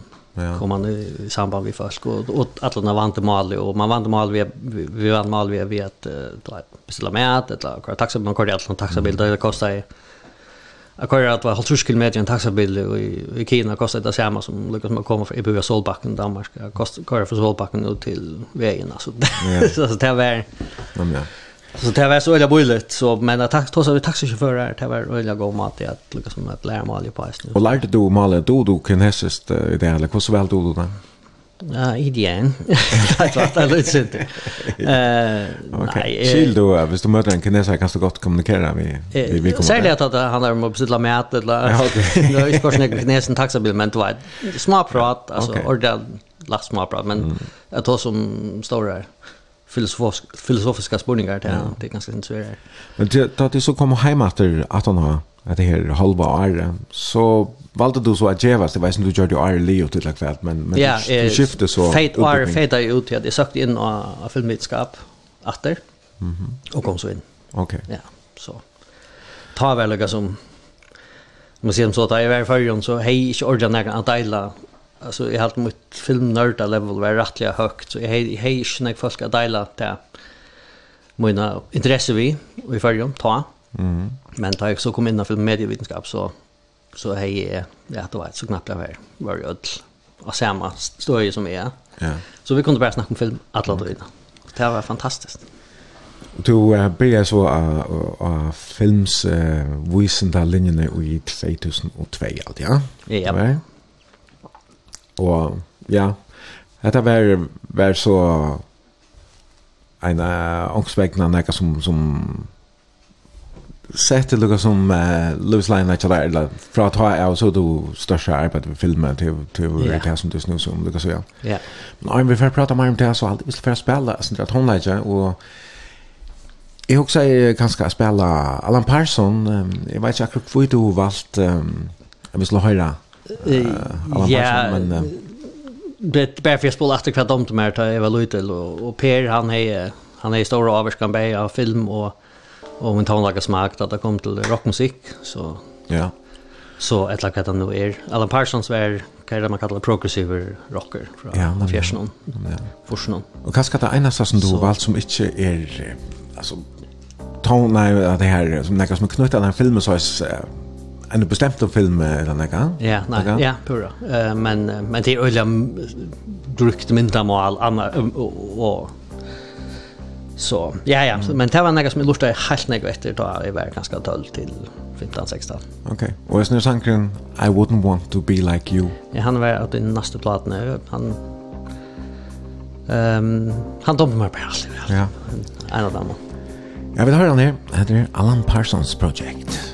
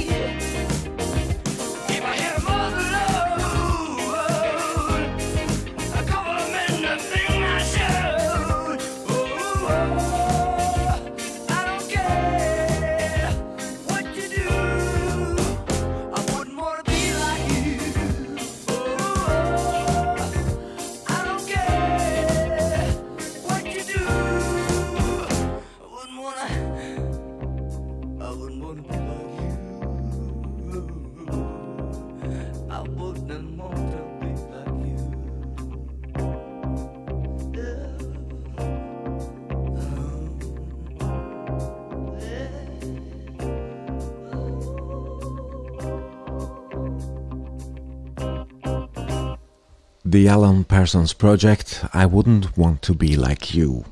Og det er Gudmund Helfdal Nilsen, filmsframleiere, som er gestor i bransj i morgen, og vi sender på enleis av Siknappe. Og til som lort er altså velkommen at senda dere spurning, gana vi merking til helsan, det kan du gjøre av 24.00 eller ferna Facebook, og finn bransj her, stavast B-R-O-N-S-J. Ja, i 2002, som vi nevnte på en dag så begynner du at lesa og linjen film om medievitenskap i Chapmanhavn. Og um, nå slappst det så endelig at, at velja få oss til det her som du har drømt om alt løyve, altså, og møtte lykka sinne om folk og næsne kanskje. Ja, ja. Og kom inn i et omkvarve som, som er djevende. Ja, ja, og her var, altså, her var det en sånn en teoretisk oppbygging, men her er det så noen fag, og du kan næsne velja fag som er mer praktisk, uh, orientera jeg. Så jag mötte kött en bølge av uh, Lucas i navn, som hade hodla göra film. Så, så vi, och de hade så omstående till att vi kunde göra filmer i her, och och det var sånn det parste av, av undervisningen att, at man gjør det litt av filmer, stort filmer, och og rønte allt det imiske, mm. Alla det imiske är va. så så i måste chankre reisne. Ja, eller chankre eller det var dokumentär eller vi körde reklamer och vi körde det var. Alltså vi rönte ut lukar som som som allta. Ja. Ehm um, och ja, videoer, musikvideor och men ehm och kött så så så får nu det där av att vi näcken av av av fakt någon hvis man aldrig är en film så pjörs man inte skriva lukar länkar uppgifter och så är så och eller man tog upp utgångspunkt och då man gör det så vi vi gör det nega filmer då var på då. Så det var det var så det var ordentligt spel nästan ja. Så så det blev lugga som Jeg, jeg gjør det til min filmskola, helt enn jeg bare gjør det til en teoretisk akademisk oppbygging. Og man fikk alle denne feedback av det som man gjør det, og, og så videre, så det var veldig djevende på tammatene. Så var det i praktikk, eisne? Ja, jeg, jeg får praktikk, det var faktisk bare av å begynne på min master, liksom, åren, i, nei, i tilvalg tok jeg en, et år av Sky, och i i dokumentation eller dokument uh, dokumentariska har vi gjort uh, på dokumentarfilmer och utörs dokumentarer så det var liksom fotlat och ja. Eh det var öliga spännande just nu givande men så i ja så får ju praktik och en som är ett final cut at Atom Productions eh som var min första eh tog av en här, jag var ett år av en här films eh, produktionsföretag, ja de hadde så akkurat en film til Jan Troell, akkurat da, som er Everlasting Moment eller Maria Larssons evig øyeblikk. Så det er akkurat, det er akkurat han filmen og uh, Klara han å ut i biografen her, så jeg var vi i Øtland tog hit, og, vet, og han ble Golden Globe nomineret, og så er jeg var liksom vi i Okay. Vi tog i processen, ja, och kunna fylla tog i att han fyrir leikjøl, kvart fyrir, hva gjør det, hva skulle til for liksom att jag får filmen ut, og hvordan snack brukte det på att distribuera den, Så det var alla tydligen att det var jag ringde från Hollywood ett lat här då att han måste spyta så nu måste spyta 100 000 i för att han ska reklameras här och så då vet det var sån här ting som man lärt ja. Men en stor film du ganska next stars fast. Eh här var det en sex ganska smart på det här. Okay. Uh, men så är värre så blev det ner Thomas Stenterup som är väl läraren han blev så rektor i filmskolan och i, i, i Lillehammer. Eh här och han här som heter Tine Burke som tog över som som lärare. Og de hadde samstånds der film inne som, ja, som de kallet i Freeman, ta, og som siden ble til filmeren um, The Act of Killing, som, som så siden ble Oscar nominerad. her. Det var øyelig stort til man kunne bare sitte på en av at det materialet høyde inne, det var, okay, det var fantastiska, spännande, ja, som handlar om, att filmen handlar om, om folkamord i Indonesia. Um, men så ja, det var öjligt stort lite att lukka som att kunna fylltja, fylltja då ett skapanen, ja, och kusset det arbetet vi, vi tar ja. filmen som det hade. Så det var roligt, lärorikt.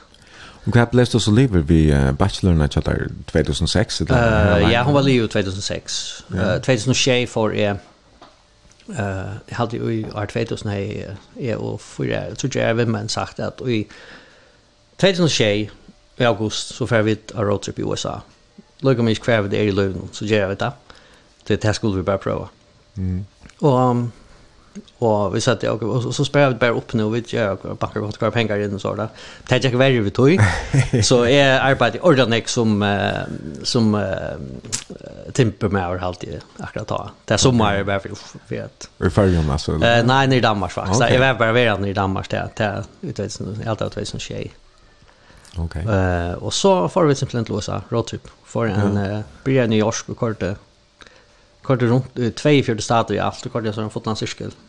Att han norrstaten är, New England norrstaten är och så så rätter och så. Så och så runt efter och tvärster tvärster. Tvärster jag någon jag tvärster om. Ja.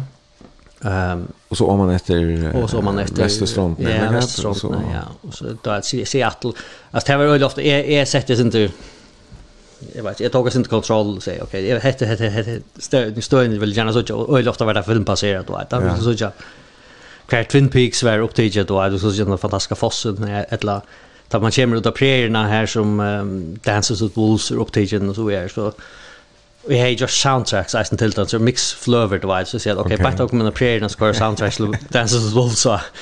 Och låt säga att det country musik det här perioden så så tar kort är näck för då att Brad Paisley och George Strait och andra som kort det att till limskar ehm situationer. Jeg minns Niklas Torsenfold så var det nu ja. Vi enda i en luttlar bygd som heter Philip, South Dakota. Uh, man går det her til som man så stekker i og funnet det stedet i något. Og det var ordentlig, en ordentlig bygd. Uh, og vi enda i en sånn karaoke-situasjon. situation Och det lokala barnen och Niklas var ju inte på synja och han alltså de älskar han han sank ju satt vi i reverence. Mm. Och de älskar rötna tjon, de helt, och kvar kommer med med fra? jag kom back till Nashville här till. ja. Så vi var borna borna leggvån och enda den efter alltså ena för enda, ja, det kom jo til at en garage där det en gevaldig supertruck, vi sånn gevaldig en tjolon. Alltså en monster truck. Monster truck, yeah. right. Okej. Så jag morsen för att köra last med the mudbug. Vi får köra motor. Det skulle det alltså så. Och en han var en sån Ty Kennedy hade han att han var en sån rodeo stjärna så det var ordentligt ett herre.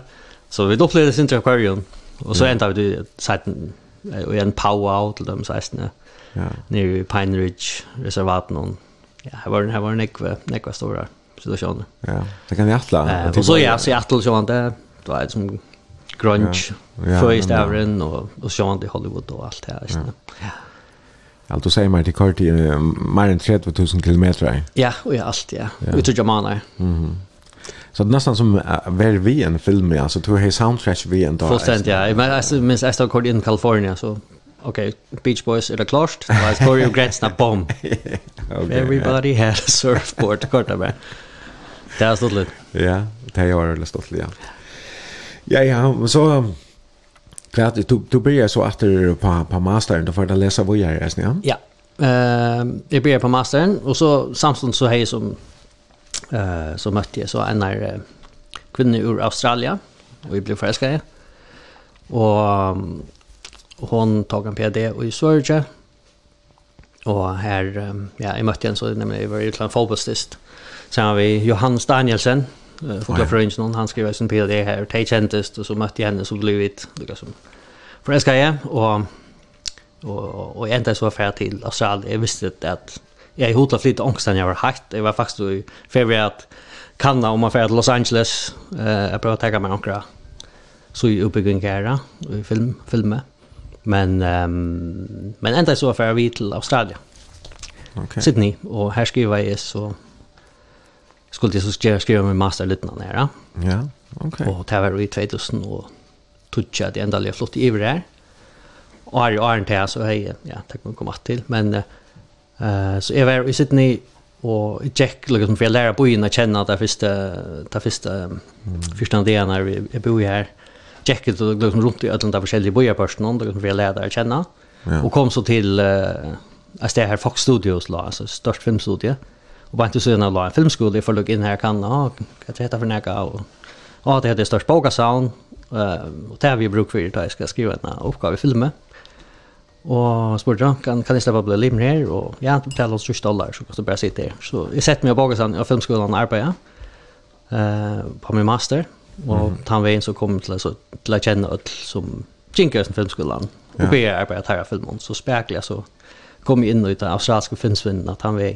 Ok, men du var stiver her under år? Ja, jeg var i, i ja, til 2015. Fra, ja, jeg flyttet endelig i 2012, ja. og så var jeg til 2015. Ja, du skulle si også Janne og Ari Arjen så hei. Ja, 2009 så, nei, men vi forhåndste jeg av, jeg var nere, Starfriendingen i Final Cut. Mm. Uh, de hadde sånn samt, films fyrdager har jo alltid samstarv, og hese her hadde så nek samstarv til Norra. Mm Det har gjort noen filmer sammen vi en firma som heter Motlus. Og så sier han, å, oh, det skulle jag gang att göra en film i førre, en serie i førre.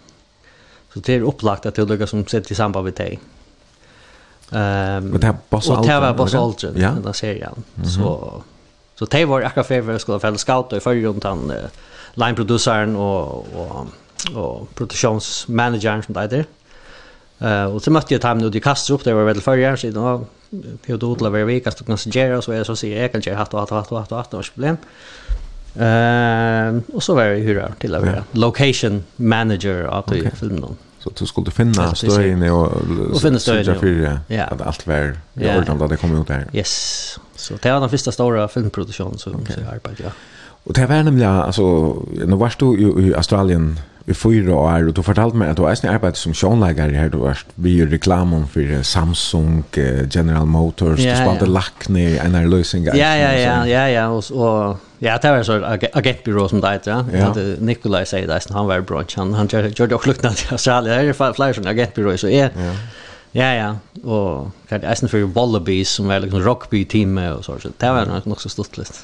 Var dock vi har då arbetat med special effects så är Ja, eh ja, så är det alltså allt som var Leo liksom av filmskolan eller som liksom var i här samstånd som jag skrev med master. Jag arbetade av produktionen och Taimon, alltså för skolproduktion så tar det liksom var Leo så blir jag på arbeta här tar framläsarna så är kort det inte bara för framläsare till framläsare. Stort filmer, längdfilmer, webbröjer. Gjorde jag snäm, um. Jag spelade en tuskar i en kruksfilm. Okej. Okay. alltså bara lägga röd till. Det spurgade ja, då du tuxte? Ja, ja, säger bara. Då vet du, så spelade jag tuskar.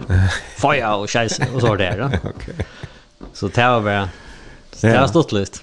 Men kvart, um, ja, det blev så livet med det och damerna. Var det det som gjorde att du fick gå av lite hemmater? Uh, Nej, det var faktiskt, ja, det blev livet. Jag var faktiskt akkurat hemma förrän då att jag arbetade på en sån här mätsändning som jag var Brande Pettersson. Det var ett sådant projekt som jag var haft gångt i luncha. Mm.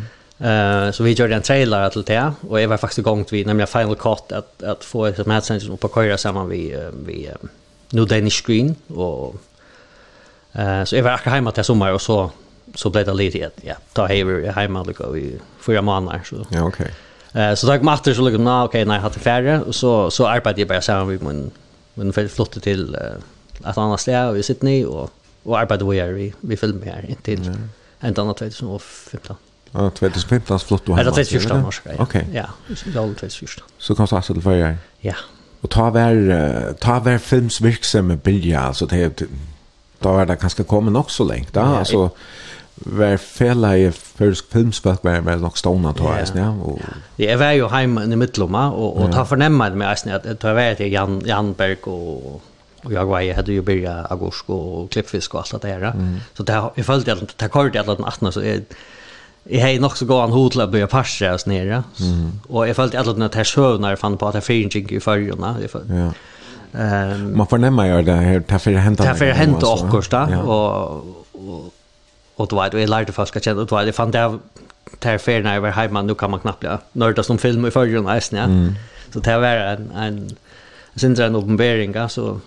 Så jeg kom så hjem ta i första när skulle lukke om hem av Jolund till vi, vi skulle vara vid att møtte en sån var en en, en framleier som som vi kjente her i USA som var bare arbeta med en sånn rykman for en sån bankaman han han skulle gjøre några store, han hade några store ideer och så är så jag är inte hålla för att till det men så så da jag kom hjem, så ringde Paul Isholm som Kampstedet och spurte om om jag kunde undervisa eh för han til han blir rektor her, och om jeg kunde teka, eh tacka timmarna så hon har kampställe så hon säger okej vad ska jag har alltid brukt mina akademiska uppbyggning till nära som helst jag har bara nördat till filmer så så jag prövar det att undervisa okej för först så jag tog jag och, ja. och gjorde det som var det 2015 och så började jag ja men domta otroligt troliga väl jag följde nästan till till ja men domta ordliga väl att det var det gevande att det var att att geva och få några åter ja, ja.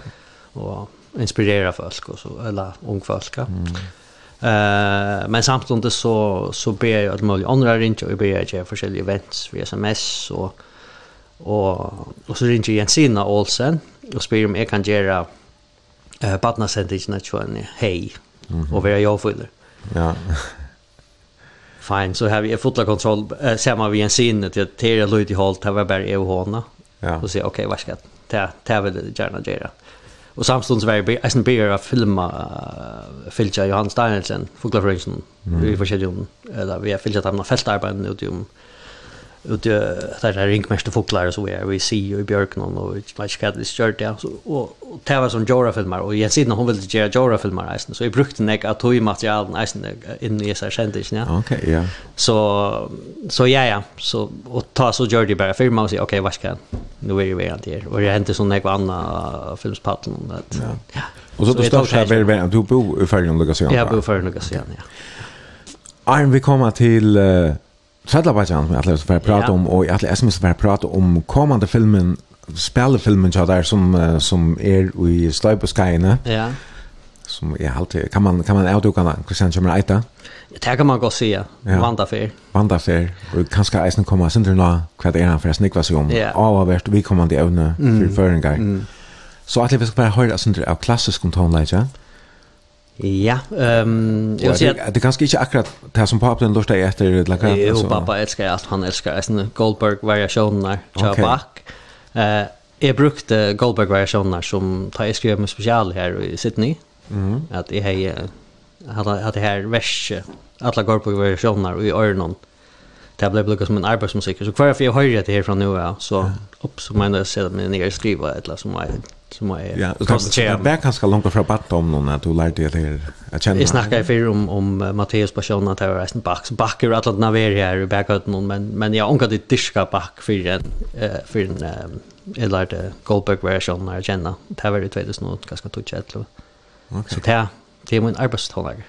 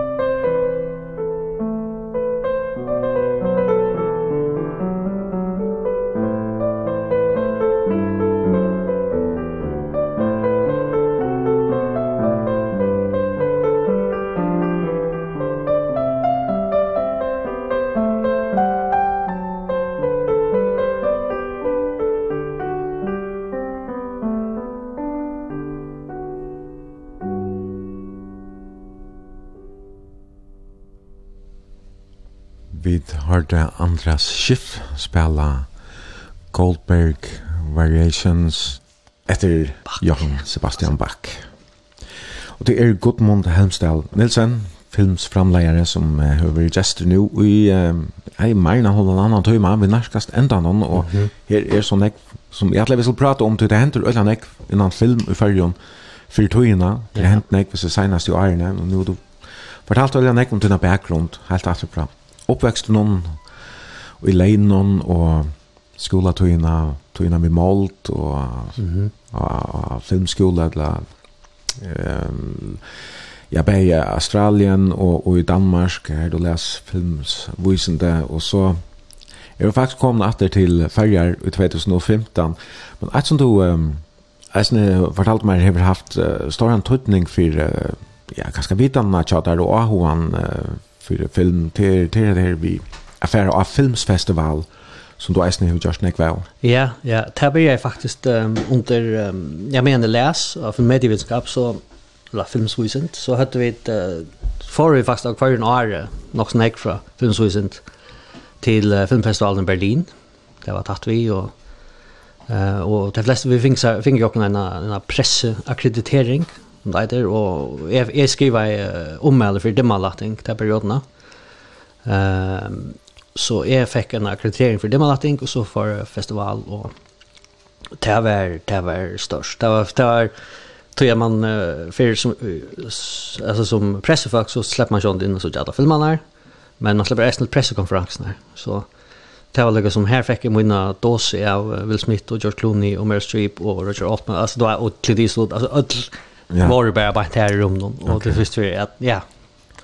Så att man man liksom okej, okay, nu är världen här så lite att man är i samma rum som att jag tar helt nära. Ja, det är bara ganska vanliga människor. Det är ganska vanliga människor. Det minns att Clint Eastwood att det var ett kappa som har fått graf Clint Eastwood var man det så färre kvinnor låt vara så för som blanda baskar och fallt upp på sig att graf för omkring där uppe men Clint Eastwood kom sitt att bara klart och att han lever snacka. Mm och alla män alltså där får bultan det jag inte ser för rena han helt bara hånden för sig nej nej inte så var han ut det var så slut men ja ja men men ja det var störst och så och i 15 så för jag spåra fram ehm så får jag Ja, först av festivalen i Reykjavik, som med Talent Camp, som de har varit liksom några kvar några här. Det är samman några filmsfolk från Utlundheim någon. Ehm så det är sån networking ehm uh, ting her på, og her møtte jeg noen fantastiske folk som er, er en suttje, unge finnskaper fra Edenheim nå. Um, og at natt her så får jeg, jeg til Cannes, og et som heter MIPCOM, som er en, en kjempestor marsjonaver for bæg filmen, eisen online og streaming og så videre, ja. Er det er fullt av. Jeg vil bare oppleve hva det er en filmsmarsjonaver, ja. Det er så omkant. Jeg, jeg finner en smakk av det i Berlin, uh, men dette var for jeg prøver hva det er til, og, og kan heve trudja marsnar om er hette sånn enn jeg man. Um, så her, ja, det var, det var iverveldande, men det var øyla stuttlet, at, eller det var spennande at liksom oppleva. Um, og det er sin her, jo oftare du først at jo mer finner du det hva det er du skal gjøre reelt av marsnar, så det var sin bare leit at jeg er kokkaprosjektet, så jeg printa en flyer og gikk rundt og det var et liksom Ja. Och då så vi först och så det heter något med Jesse i sort vad. men det är inte lika som jag är eller några plan i förbered. Ehm jag fick så stola till han han turen av av vinna. Okej. Och det är öliga viktigt. Alltså det är öliga gott att få det här erfarenheterna. Mhm. Eh och att man får det så får så till en shankrafestival i Spanien är som heter Sitges här som är en liten festival för gudsurfilmer och fantasifilmer och så vidare. Här ja, som är snarare här här mötte jag så någon filmskapare från som jag känner från Australien som mest var jag hade några filmer vi. Ja. Eh och Mason Bert nätverket och det samband med very must så ständ man att han har om kvällte och då så lite festivalen är helt fantastiskt. Det här gänker då ett Oliver Stone runt och här är eh Gaspar Noé var här på han har ordat det premiära och det han är filmen John Hayes finns ju gå om eller så är Gaspar Noé en en rättliga känter fransk likesåra den här mm. Ehm men då alltså skäng man sen man är cykel och då så vi hade så. Alltså det är ja. det var bara att vara väldigt mycket bara och då alltså det är väldigt viktigt affär och jag ser ja. Det här gjorde så att det säger jag så vi till Hongkong och jag måste ha bant ehm för jag tror att det här ja. Så vi det liksom att lära den asiatiska marknaden känna känna folk här och här möttes några japaner som bjöd mig till Japan. Och jag blev vist runt av locations här en liten by i Japan. Ja. Ehm så ja. Så det näka du just första år och jag vet att du första är till kan om om några månader. Ja. Ja, i Rönne Rönne färra och Berlin var vi så nu men så nu är vi samma vid filmhusen blev som det blev att blir här så eh ja Torfen vi är för är till kan och Achan Torfen Jakobsson han är i Trom vi och Eva Stadvik vi bor i någon ninja program. Ja. Ehm här är han så fick all the joke då allvarliga. Ja. Eh vi Trom. Det var fantastiskt. Eh vi har visst till.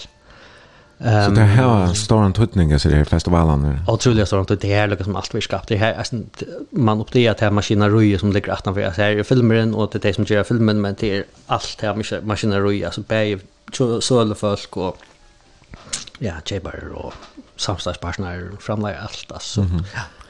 Men jag på se är det støybeskrevet att att for kjipa fyrir en festival i färgen på nægget tusen? Um, man har ordet bruk för att, ja, det är bruk för att onker tøymer er det det. Vi tar okker minoritetsfestival som är fantastiska väl arrangerade och resten av Anna Jabra. Uh, men det är den enda festivalen vi egentligen har. Mm -hmm. um, så det är det är godt hvis onker vis den førskan för ska filmfestival. I Grönland det var det jag gjorde och det är filmskapare själva som jag just det så. Jag vet inte, men det kräver att jag vet. Det går samman, det det. Och i 2016 tar för två sista tun igång vi att skriva manuskript till uh, stortfilmen Trötlabadja som uh, vann i Jaitanon i uh, 2020. Ja. Och nog man ver att han först stortfilmen som hur finns störst virkänning utanlands alltså här till då vunnet og vera filmfestivalen om allan heimen Vunnet, jeg vet ikke hvordan jeg var heierslønner, altså yeah. utmerkelser av Imsonsle det, det er jo alt Imska støtter og sånne forskjellige festivaler men, men med den andre så det ja, og i Bollywood ja, og i Indien Her er en stor festival, ja, nemlig Mumbai eller en, en tan tan lucka som är här en tan officiella stortfilms och dokumentärfestivalen som Stjärnan Skiva 4. Ja. Här här kom vi så in och och vunne. Ja. För bästa stortfilm det var fantastiskt. Det blev ju jag. Det blev jag på Neverresten. Ja, annars kan man också säga att det är det torsdag gänga oss när festivalen. Ja, och det är värre så alla som här onkel Bjoa så kör han onkel Bjoa upp i halt och men det var så där starta förra selen och men och näckra som festivalen hände jag sen under corona så Ja. Så det var flere som jeg måste säga nei till att man jeg slapp ikke det vet du. Det var en Nepal där det var fantastiskt där var ferdig nere, där, ja. Filmen ja, det tyvärr. det. Han vann alltså Jeta någon men han är onkel han är ju vister i Schonwarp någon. Men hur säger filmspelare i hur visst han på? Ja, filmsfälla i han. Vi har några synningar han har bio i fjör isna. Ja. Jag var isna några år inte en bara tog runt corona. Ja. Ehm men ja ja, men jag har inte nog någon officiellt ut än tror jag att han gänger stadigt. Ja. Och och nu ja, Uh, nu är det Florida och Bahamas okay. nu i ändan april och 1 maj och här har vi otroliga gång hur för vi. Ja. Det är två rättliga i lilla festivaler här på ett. Eh som ligger faktiskt på att någon annan så så det är något som ganska drömmer så att det sista stora. Ja. Jag är sen björd Mexiko och i och i august så. Ja, du hur länge kan en filmer köra på andra matan alltså blir vi att uh, vinna priser och komma av festivaler är den här kriterien. Det ser jag två år men onkel då att kunna gott bli vi att leva en av lådiga träta. Ja. Men det är ju inte då att de allra största festivalerna är ju först och så är det då så är det då Mian och så är det då smart smart fringe festivaler og och så vidare. Men alltså nu um, har vi hukt ett film nu hukt efter någon uh, Josh Quality efter och han er, jeg skiljer vel at han fer sånn kvar virusland, altså myndene er, er fantastisk flott der. Så for det första så søver han, og hon, hon er rettelig god, og og bitcher på før skal si søve på omkring mat at her vi at skulle bera loik fra en her bygd til en gjerra og ja. skal gjerrast og, og, og vikta gjør og sånn ja. og tvær badger, nå skulle vi ikke være jeg skal ikke være spoila nega som helst men altså som som eh, bäge älskar kvann annan och, och kanske eisen älskar att ärka kvann annan eller arbeta på kvann annan och så är. Men eh, Myndene er, er fantastisk flott der, det er main parten tidlig opp i Karlsøyden, ja. Her var um, onker mynter og sagt så nice. Og så. Nei, nei, faktisk, ja. faktisk det er minst ur Karlsøyden, Det er stått litt. Er det det, ja? Ja, men så okay. han er, er finnes jo ublåst ur Karlsøyden så, va? Ok. Og vi tar skriva han av Søtlandnese. Ja. Uh, han leien som, som vi først leie opp, som er gamla leien med Søtlandnese som Migla det, vi ja. simpelthen for Vanta Mitchell, til jeg fer opp i en filmsli. Jeg hette den, ja, det var her. Ja, ja, men, men uh, høvesmyndene, eller at Snowfly. här är några ikoniska mynter som ja. nødløm av sånne fjalla tinten noen, mm. ja, som vi brukar, men annars är det alltid upp i, i Vaje, Nalse och i okay. Saxon, och gamla Höjvichne och Ja, ja. Husavik. Så, så vi tar vi runt men... Filmen kan snuida en på andra måten. Men det stortlige visen i filmen är att mot till til å rene og annar, og eisen Trom så er anchen se har sagt vi också nät nu har jag hade blivit tid att nu är det här och här det jag hade fått vara gripen av sövn så det det är det allra bästa kommer manches med allt jag så filmen nu finns man blir gripen av sövn här säkert och här spelar otroligt väl husläkaren på er bo ja det var då och Nikolaj Falka och han är alltså han är väl fragen på alla matar väl klippter och till så Jonas Wagner i Danmark som är klippt han Men Martin från Susan Ja. Han är fantastisk för första filmas nu det sista året som senast som i Jar så är han ja hur han eh, mentorat Toka tecknfilms eh, skaparen Toka och ja. och Jakob. Han har akkurat svårt. Ja, det har akkurat vunnit en en en en en producer i. Ja. Det är fantastiskt. Ja, det är ja. helt otroligt mig. Men jag också um, tröttla på att det hade han vunnit såna gavirslöner kring heimen. Säg det när om kvar stitcher vi har här i Färjön alltså som location kanske.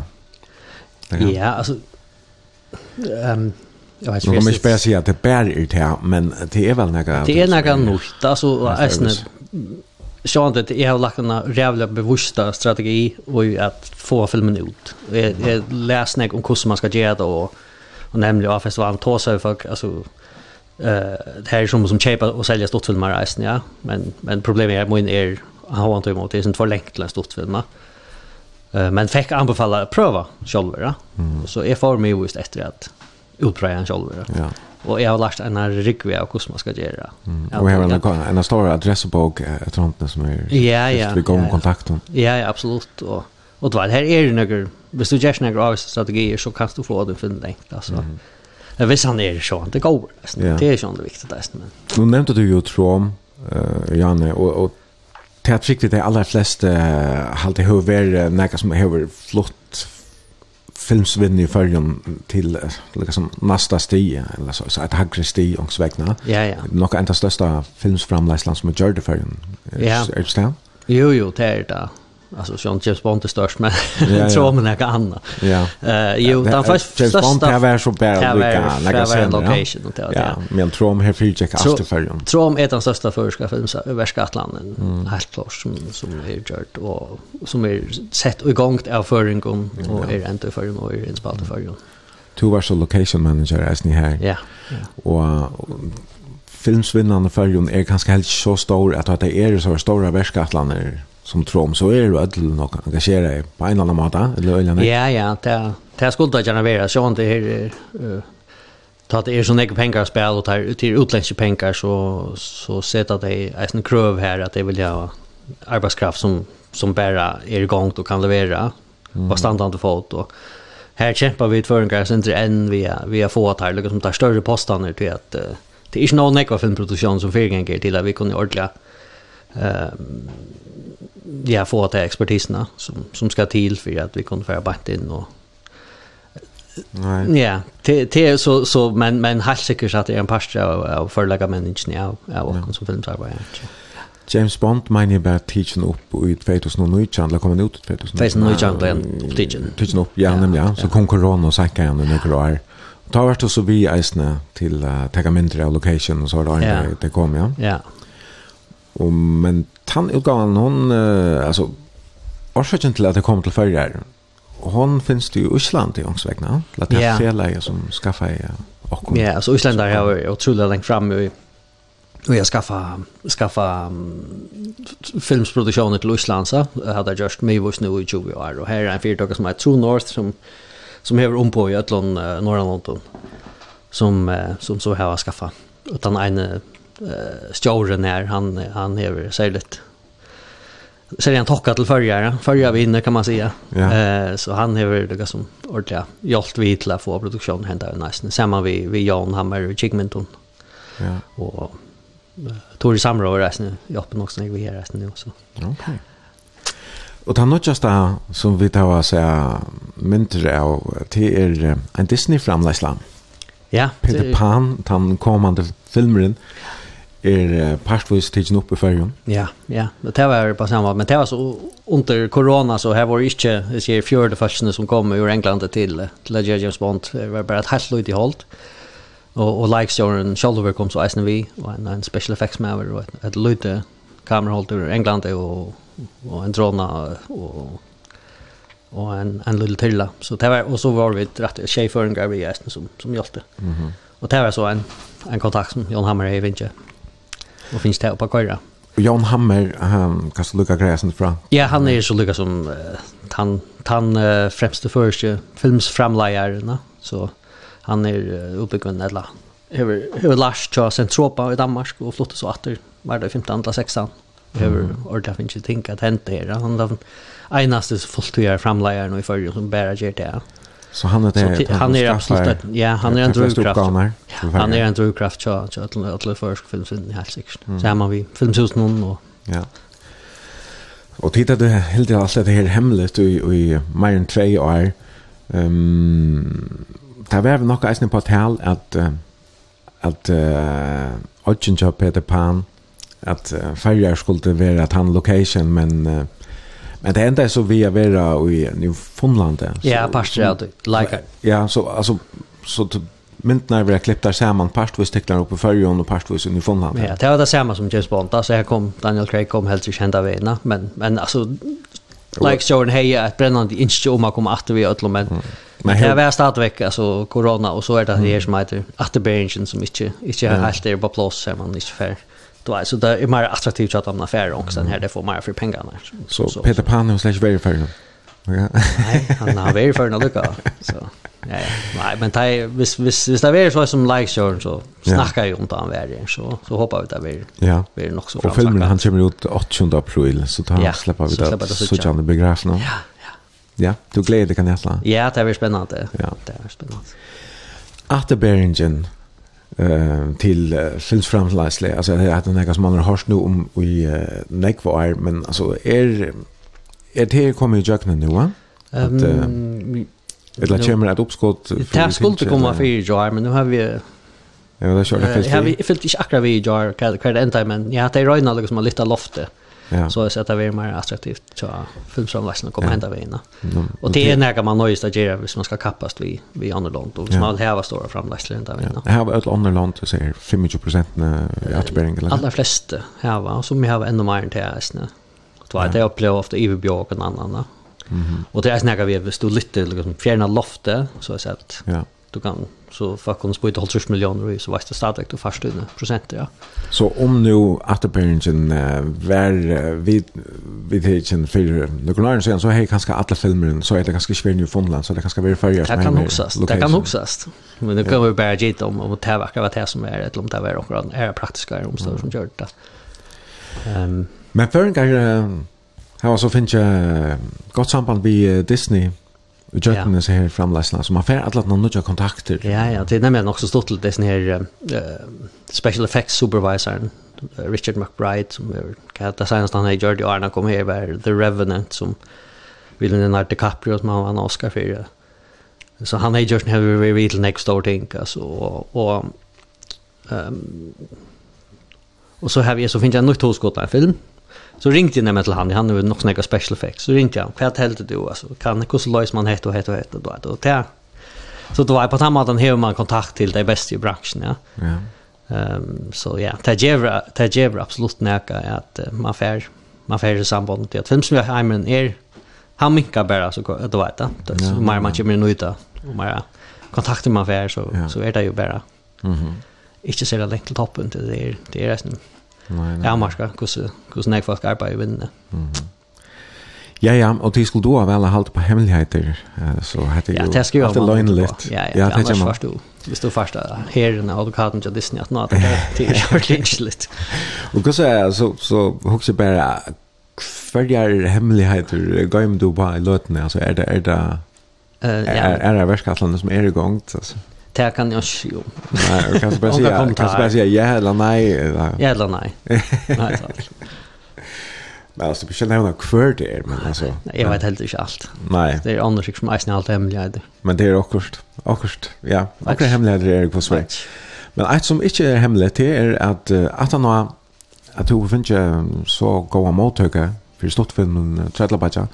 Så det är just nu att du att, att färra att ta kan man säga sprinter förut och göra en en fotland spelfilm en fotland långt. Ja, ta till sånt det alltid vill Raymond och ta noise man Nigeria på Atlantis mot och är färdig igång till ett rättliga ambitiöst projekt som som eh, jag fick eh, leverera hoskott under upptagen till Trom från Rein Blahammer.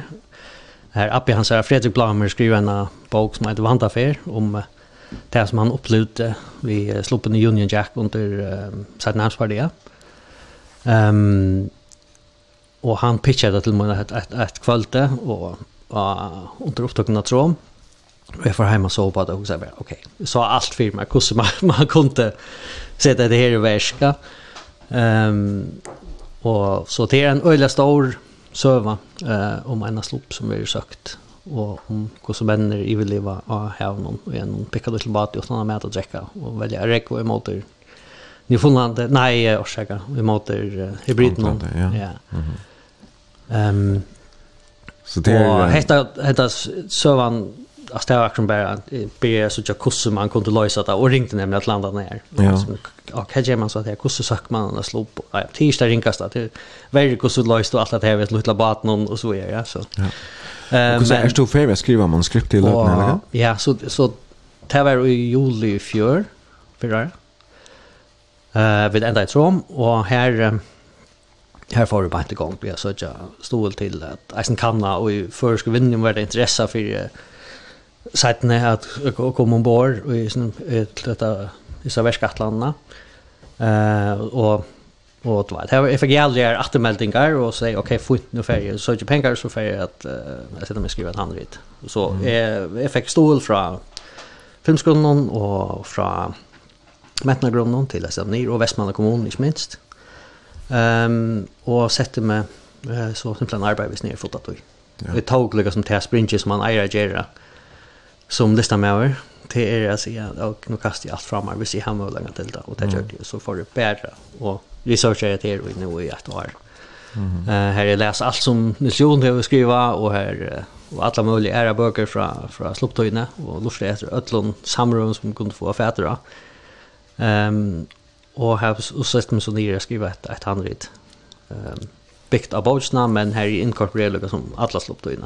Mm um, så här är är är er hentingar reisne og i ena här rammefortelling från tog männer färra stät mm. kom atter, så man kan etablera förgår och man får ut att den nøysa ferierna, och kommer atter. Uh, och här har vi så blandat, ja, alla möjliga söver fra Slottoin mm. i ja. så det är en otroligt spännande. Du visst du mer en ja, jag vet inte man pitch deck. Pitch deck. Ja, det är som en festivaler vi. Okej. Och det är simpelthen en en mappa vi mynton och jag har då särskilt simpelthen vart grätt från sövn och så särskilt du mynter som som då ämnar där skulle vara vi i filmen och senare. Här man säger sloppna och cowboyen och från olika vinklar när man Ja, det er sånn wow da man ser. Ja, ja, det er liksom det. Man, säga. Vi får dem ut vi vi Västerhåll nu i i fjör Bataren. Barn Laser för Veteran och och tog en där vi några likar dem. Mm. Här vi filmar några scener och ja. och så och så att det så ja. Så forma forma så så brukar man ta och så för I behöver vi göra en en liten trailer. Och vad har du visste visste det för någon ehm är nästan det vi är det här vi var i Berlin och när i att man att ta vid till kan och hade klart till kan så för jag började och så ni. Ja. Andra folk och annat. Jag har en god kontakt åt andra men nu får jag liksom brejer visst jag nästan. Ja. Och vad värst du var kanske schack så eller något mer om om det där men men det är en dyrbergskatland. Ja ja, det det det kommer nog att kosta sin tid kan man säga. Ja. Att vi vi snackar fler touchdowns miljoner. Ja ja, men det ungefär tar för short in detalj. Vi det handlar om vad man ska ta han så så den ner och så finner det akkurat. Kan kan vi länta? men Ja. Fantastiskt spännande. Gott man tar glädje till att söka. Ja. Tror jag hon är alltså färden i det. Det var det. Ja, vi får alltid ända vi uh, live light vi uh, Glenn Hans här, vet inte om du ja. brukar fem sekunder på att fortälla om ja, hur jag kan han. Akkurat han han till att jag, jag, jag har älskat Glenn Hansard så igen 2008 och han är en fantastisk tonläggare ur Orlando. Vi är en näcka konserter vid någon. Jag snär sjankren en sätt att skriva i han lite. Ja. Så han okej okay, hade den perfekta sjankren att här var en montage ända mot okay. filmen som jag arbetar vid så. Här kommer några hälsande god morgon. Eh vi får inte tid att läsa där till värre oh, tiden är simpelthen färden men här är immen stått lite uh, som uh, anker uh, ur leinon nevner filmer som Sorro og Gokke og Charles Chaplin og, og, og Meira som tid hukte etter ta. Og en annan som møtte der da de kjørte uh, Boss Aldrin og jeg sendte en av helsan og takk der for avgrøttene passion og rock'n'roll-matene som jeg tenkte på. Takk for det. Og en annan som sier at de gjør en film i huset vi kan ha for, og jeg sånn her, han hjelpte det kun vi at landet det kun en koll. Det er et sødla bare, og han koller nu vi. Han er tyvärr til langer, men han er vi i filmen. Hette var altså brunch, her sa for Jester var Gudmund Helmsdal Nilsen, jeg er Efen Jensen, og bare at vi brunch, og nå Jester Gjester kommende leger klokka 5.20. Takk til oss som torsdag, ja, og godt vikeskiftet. Takk.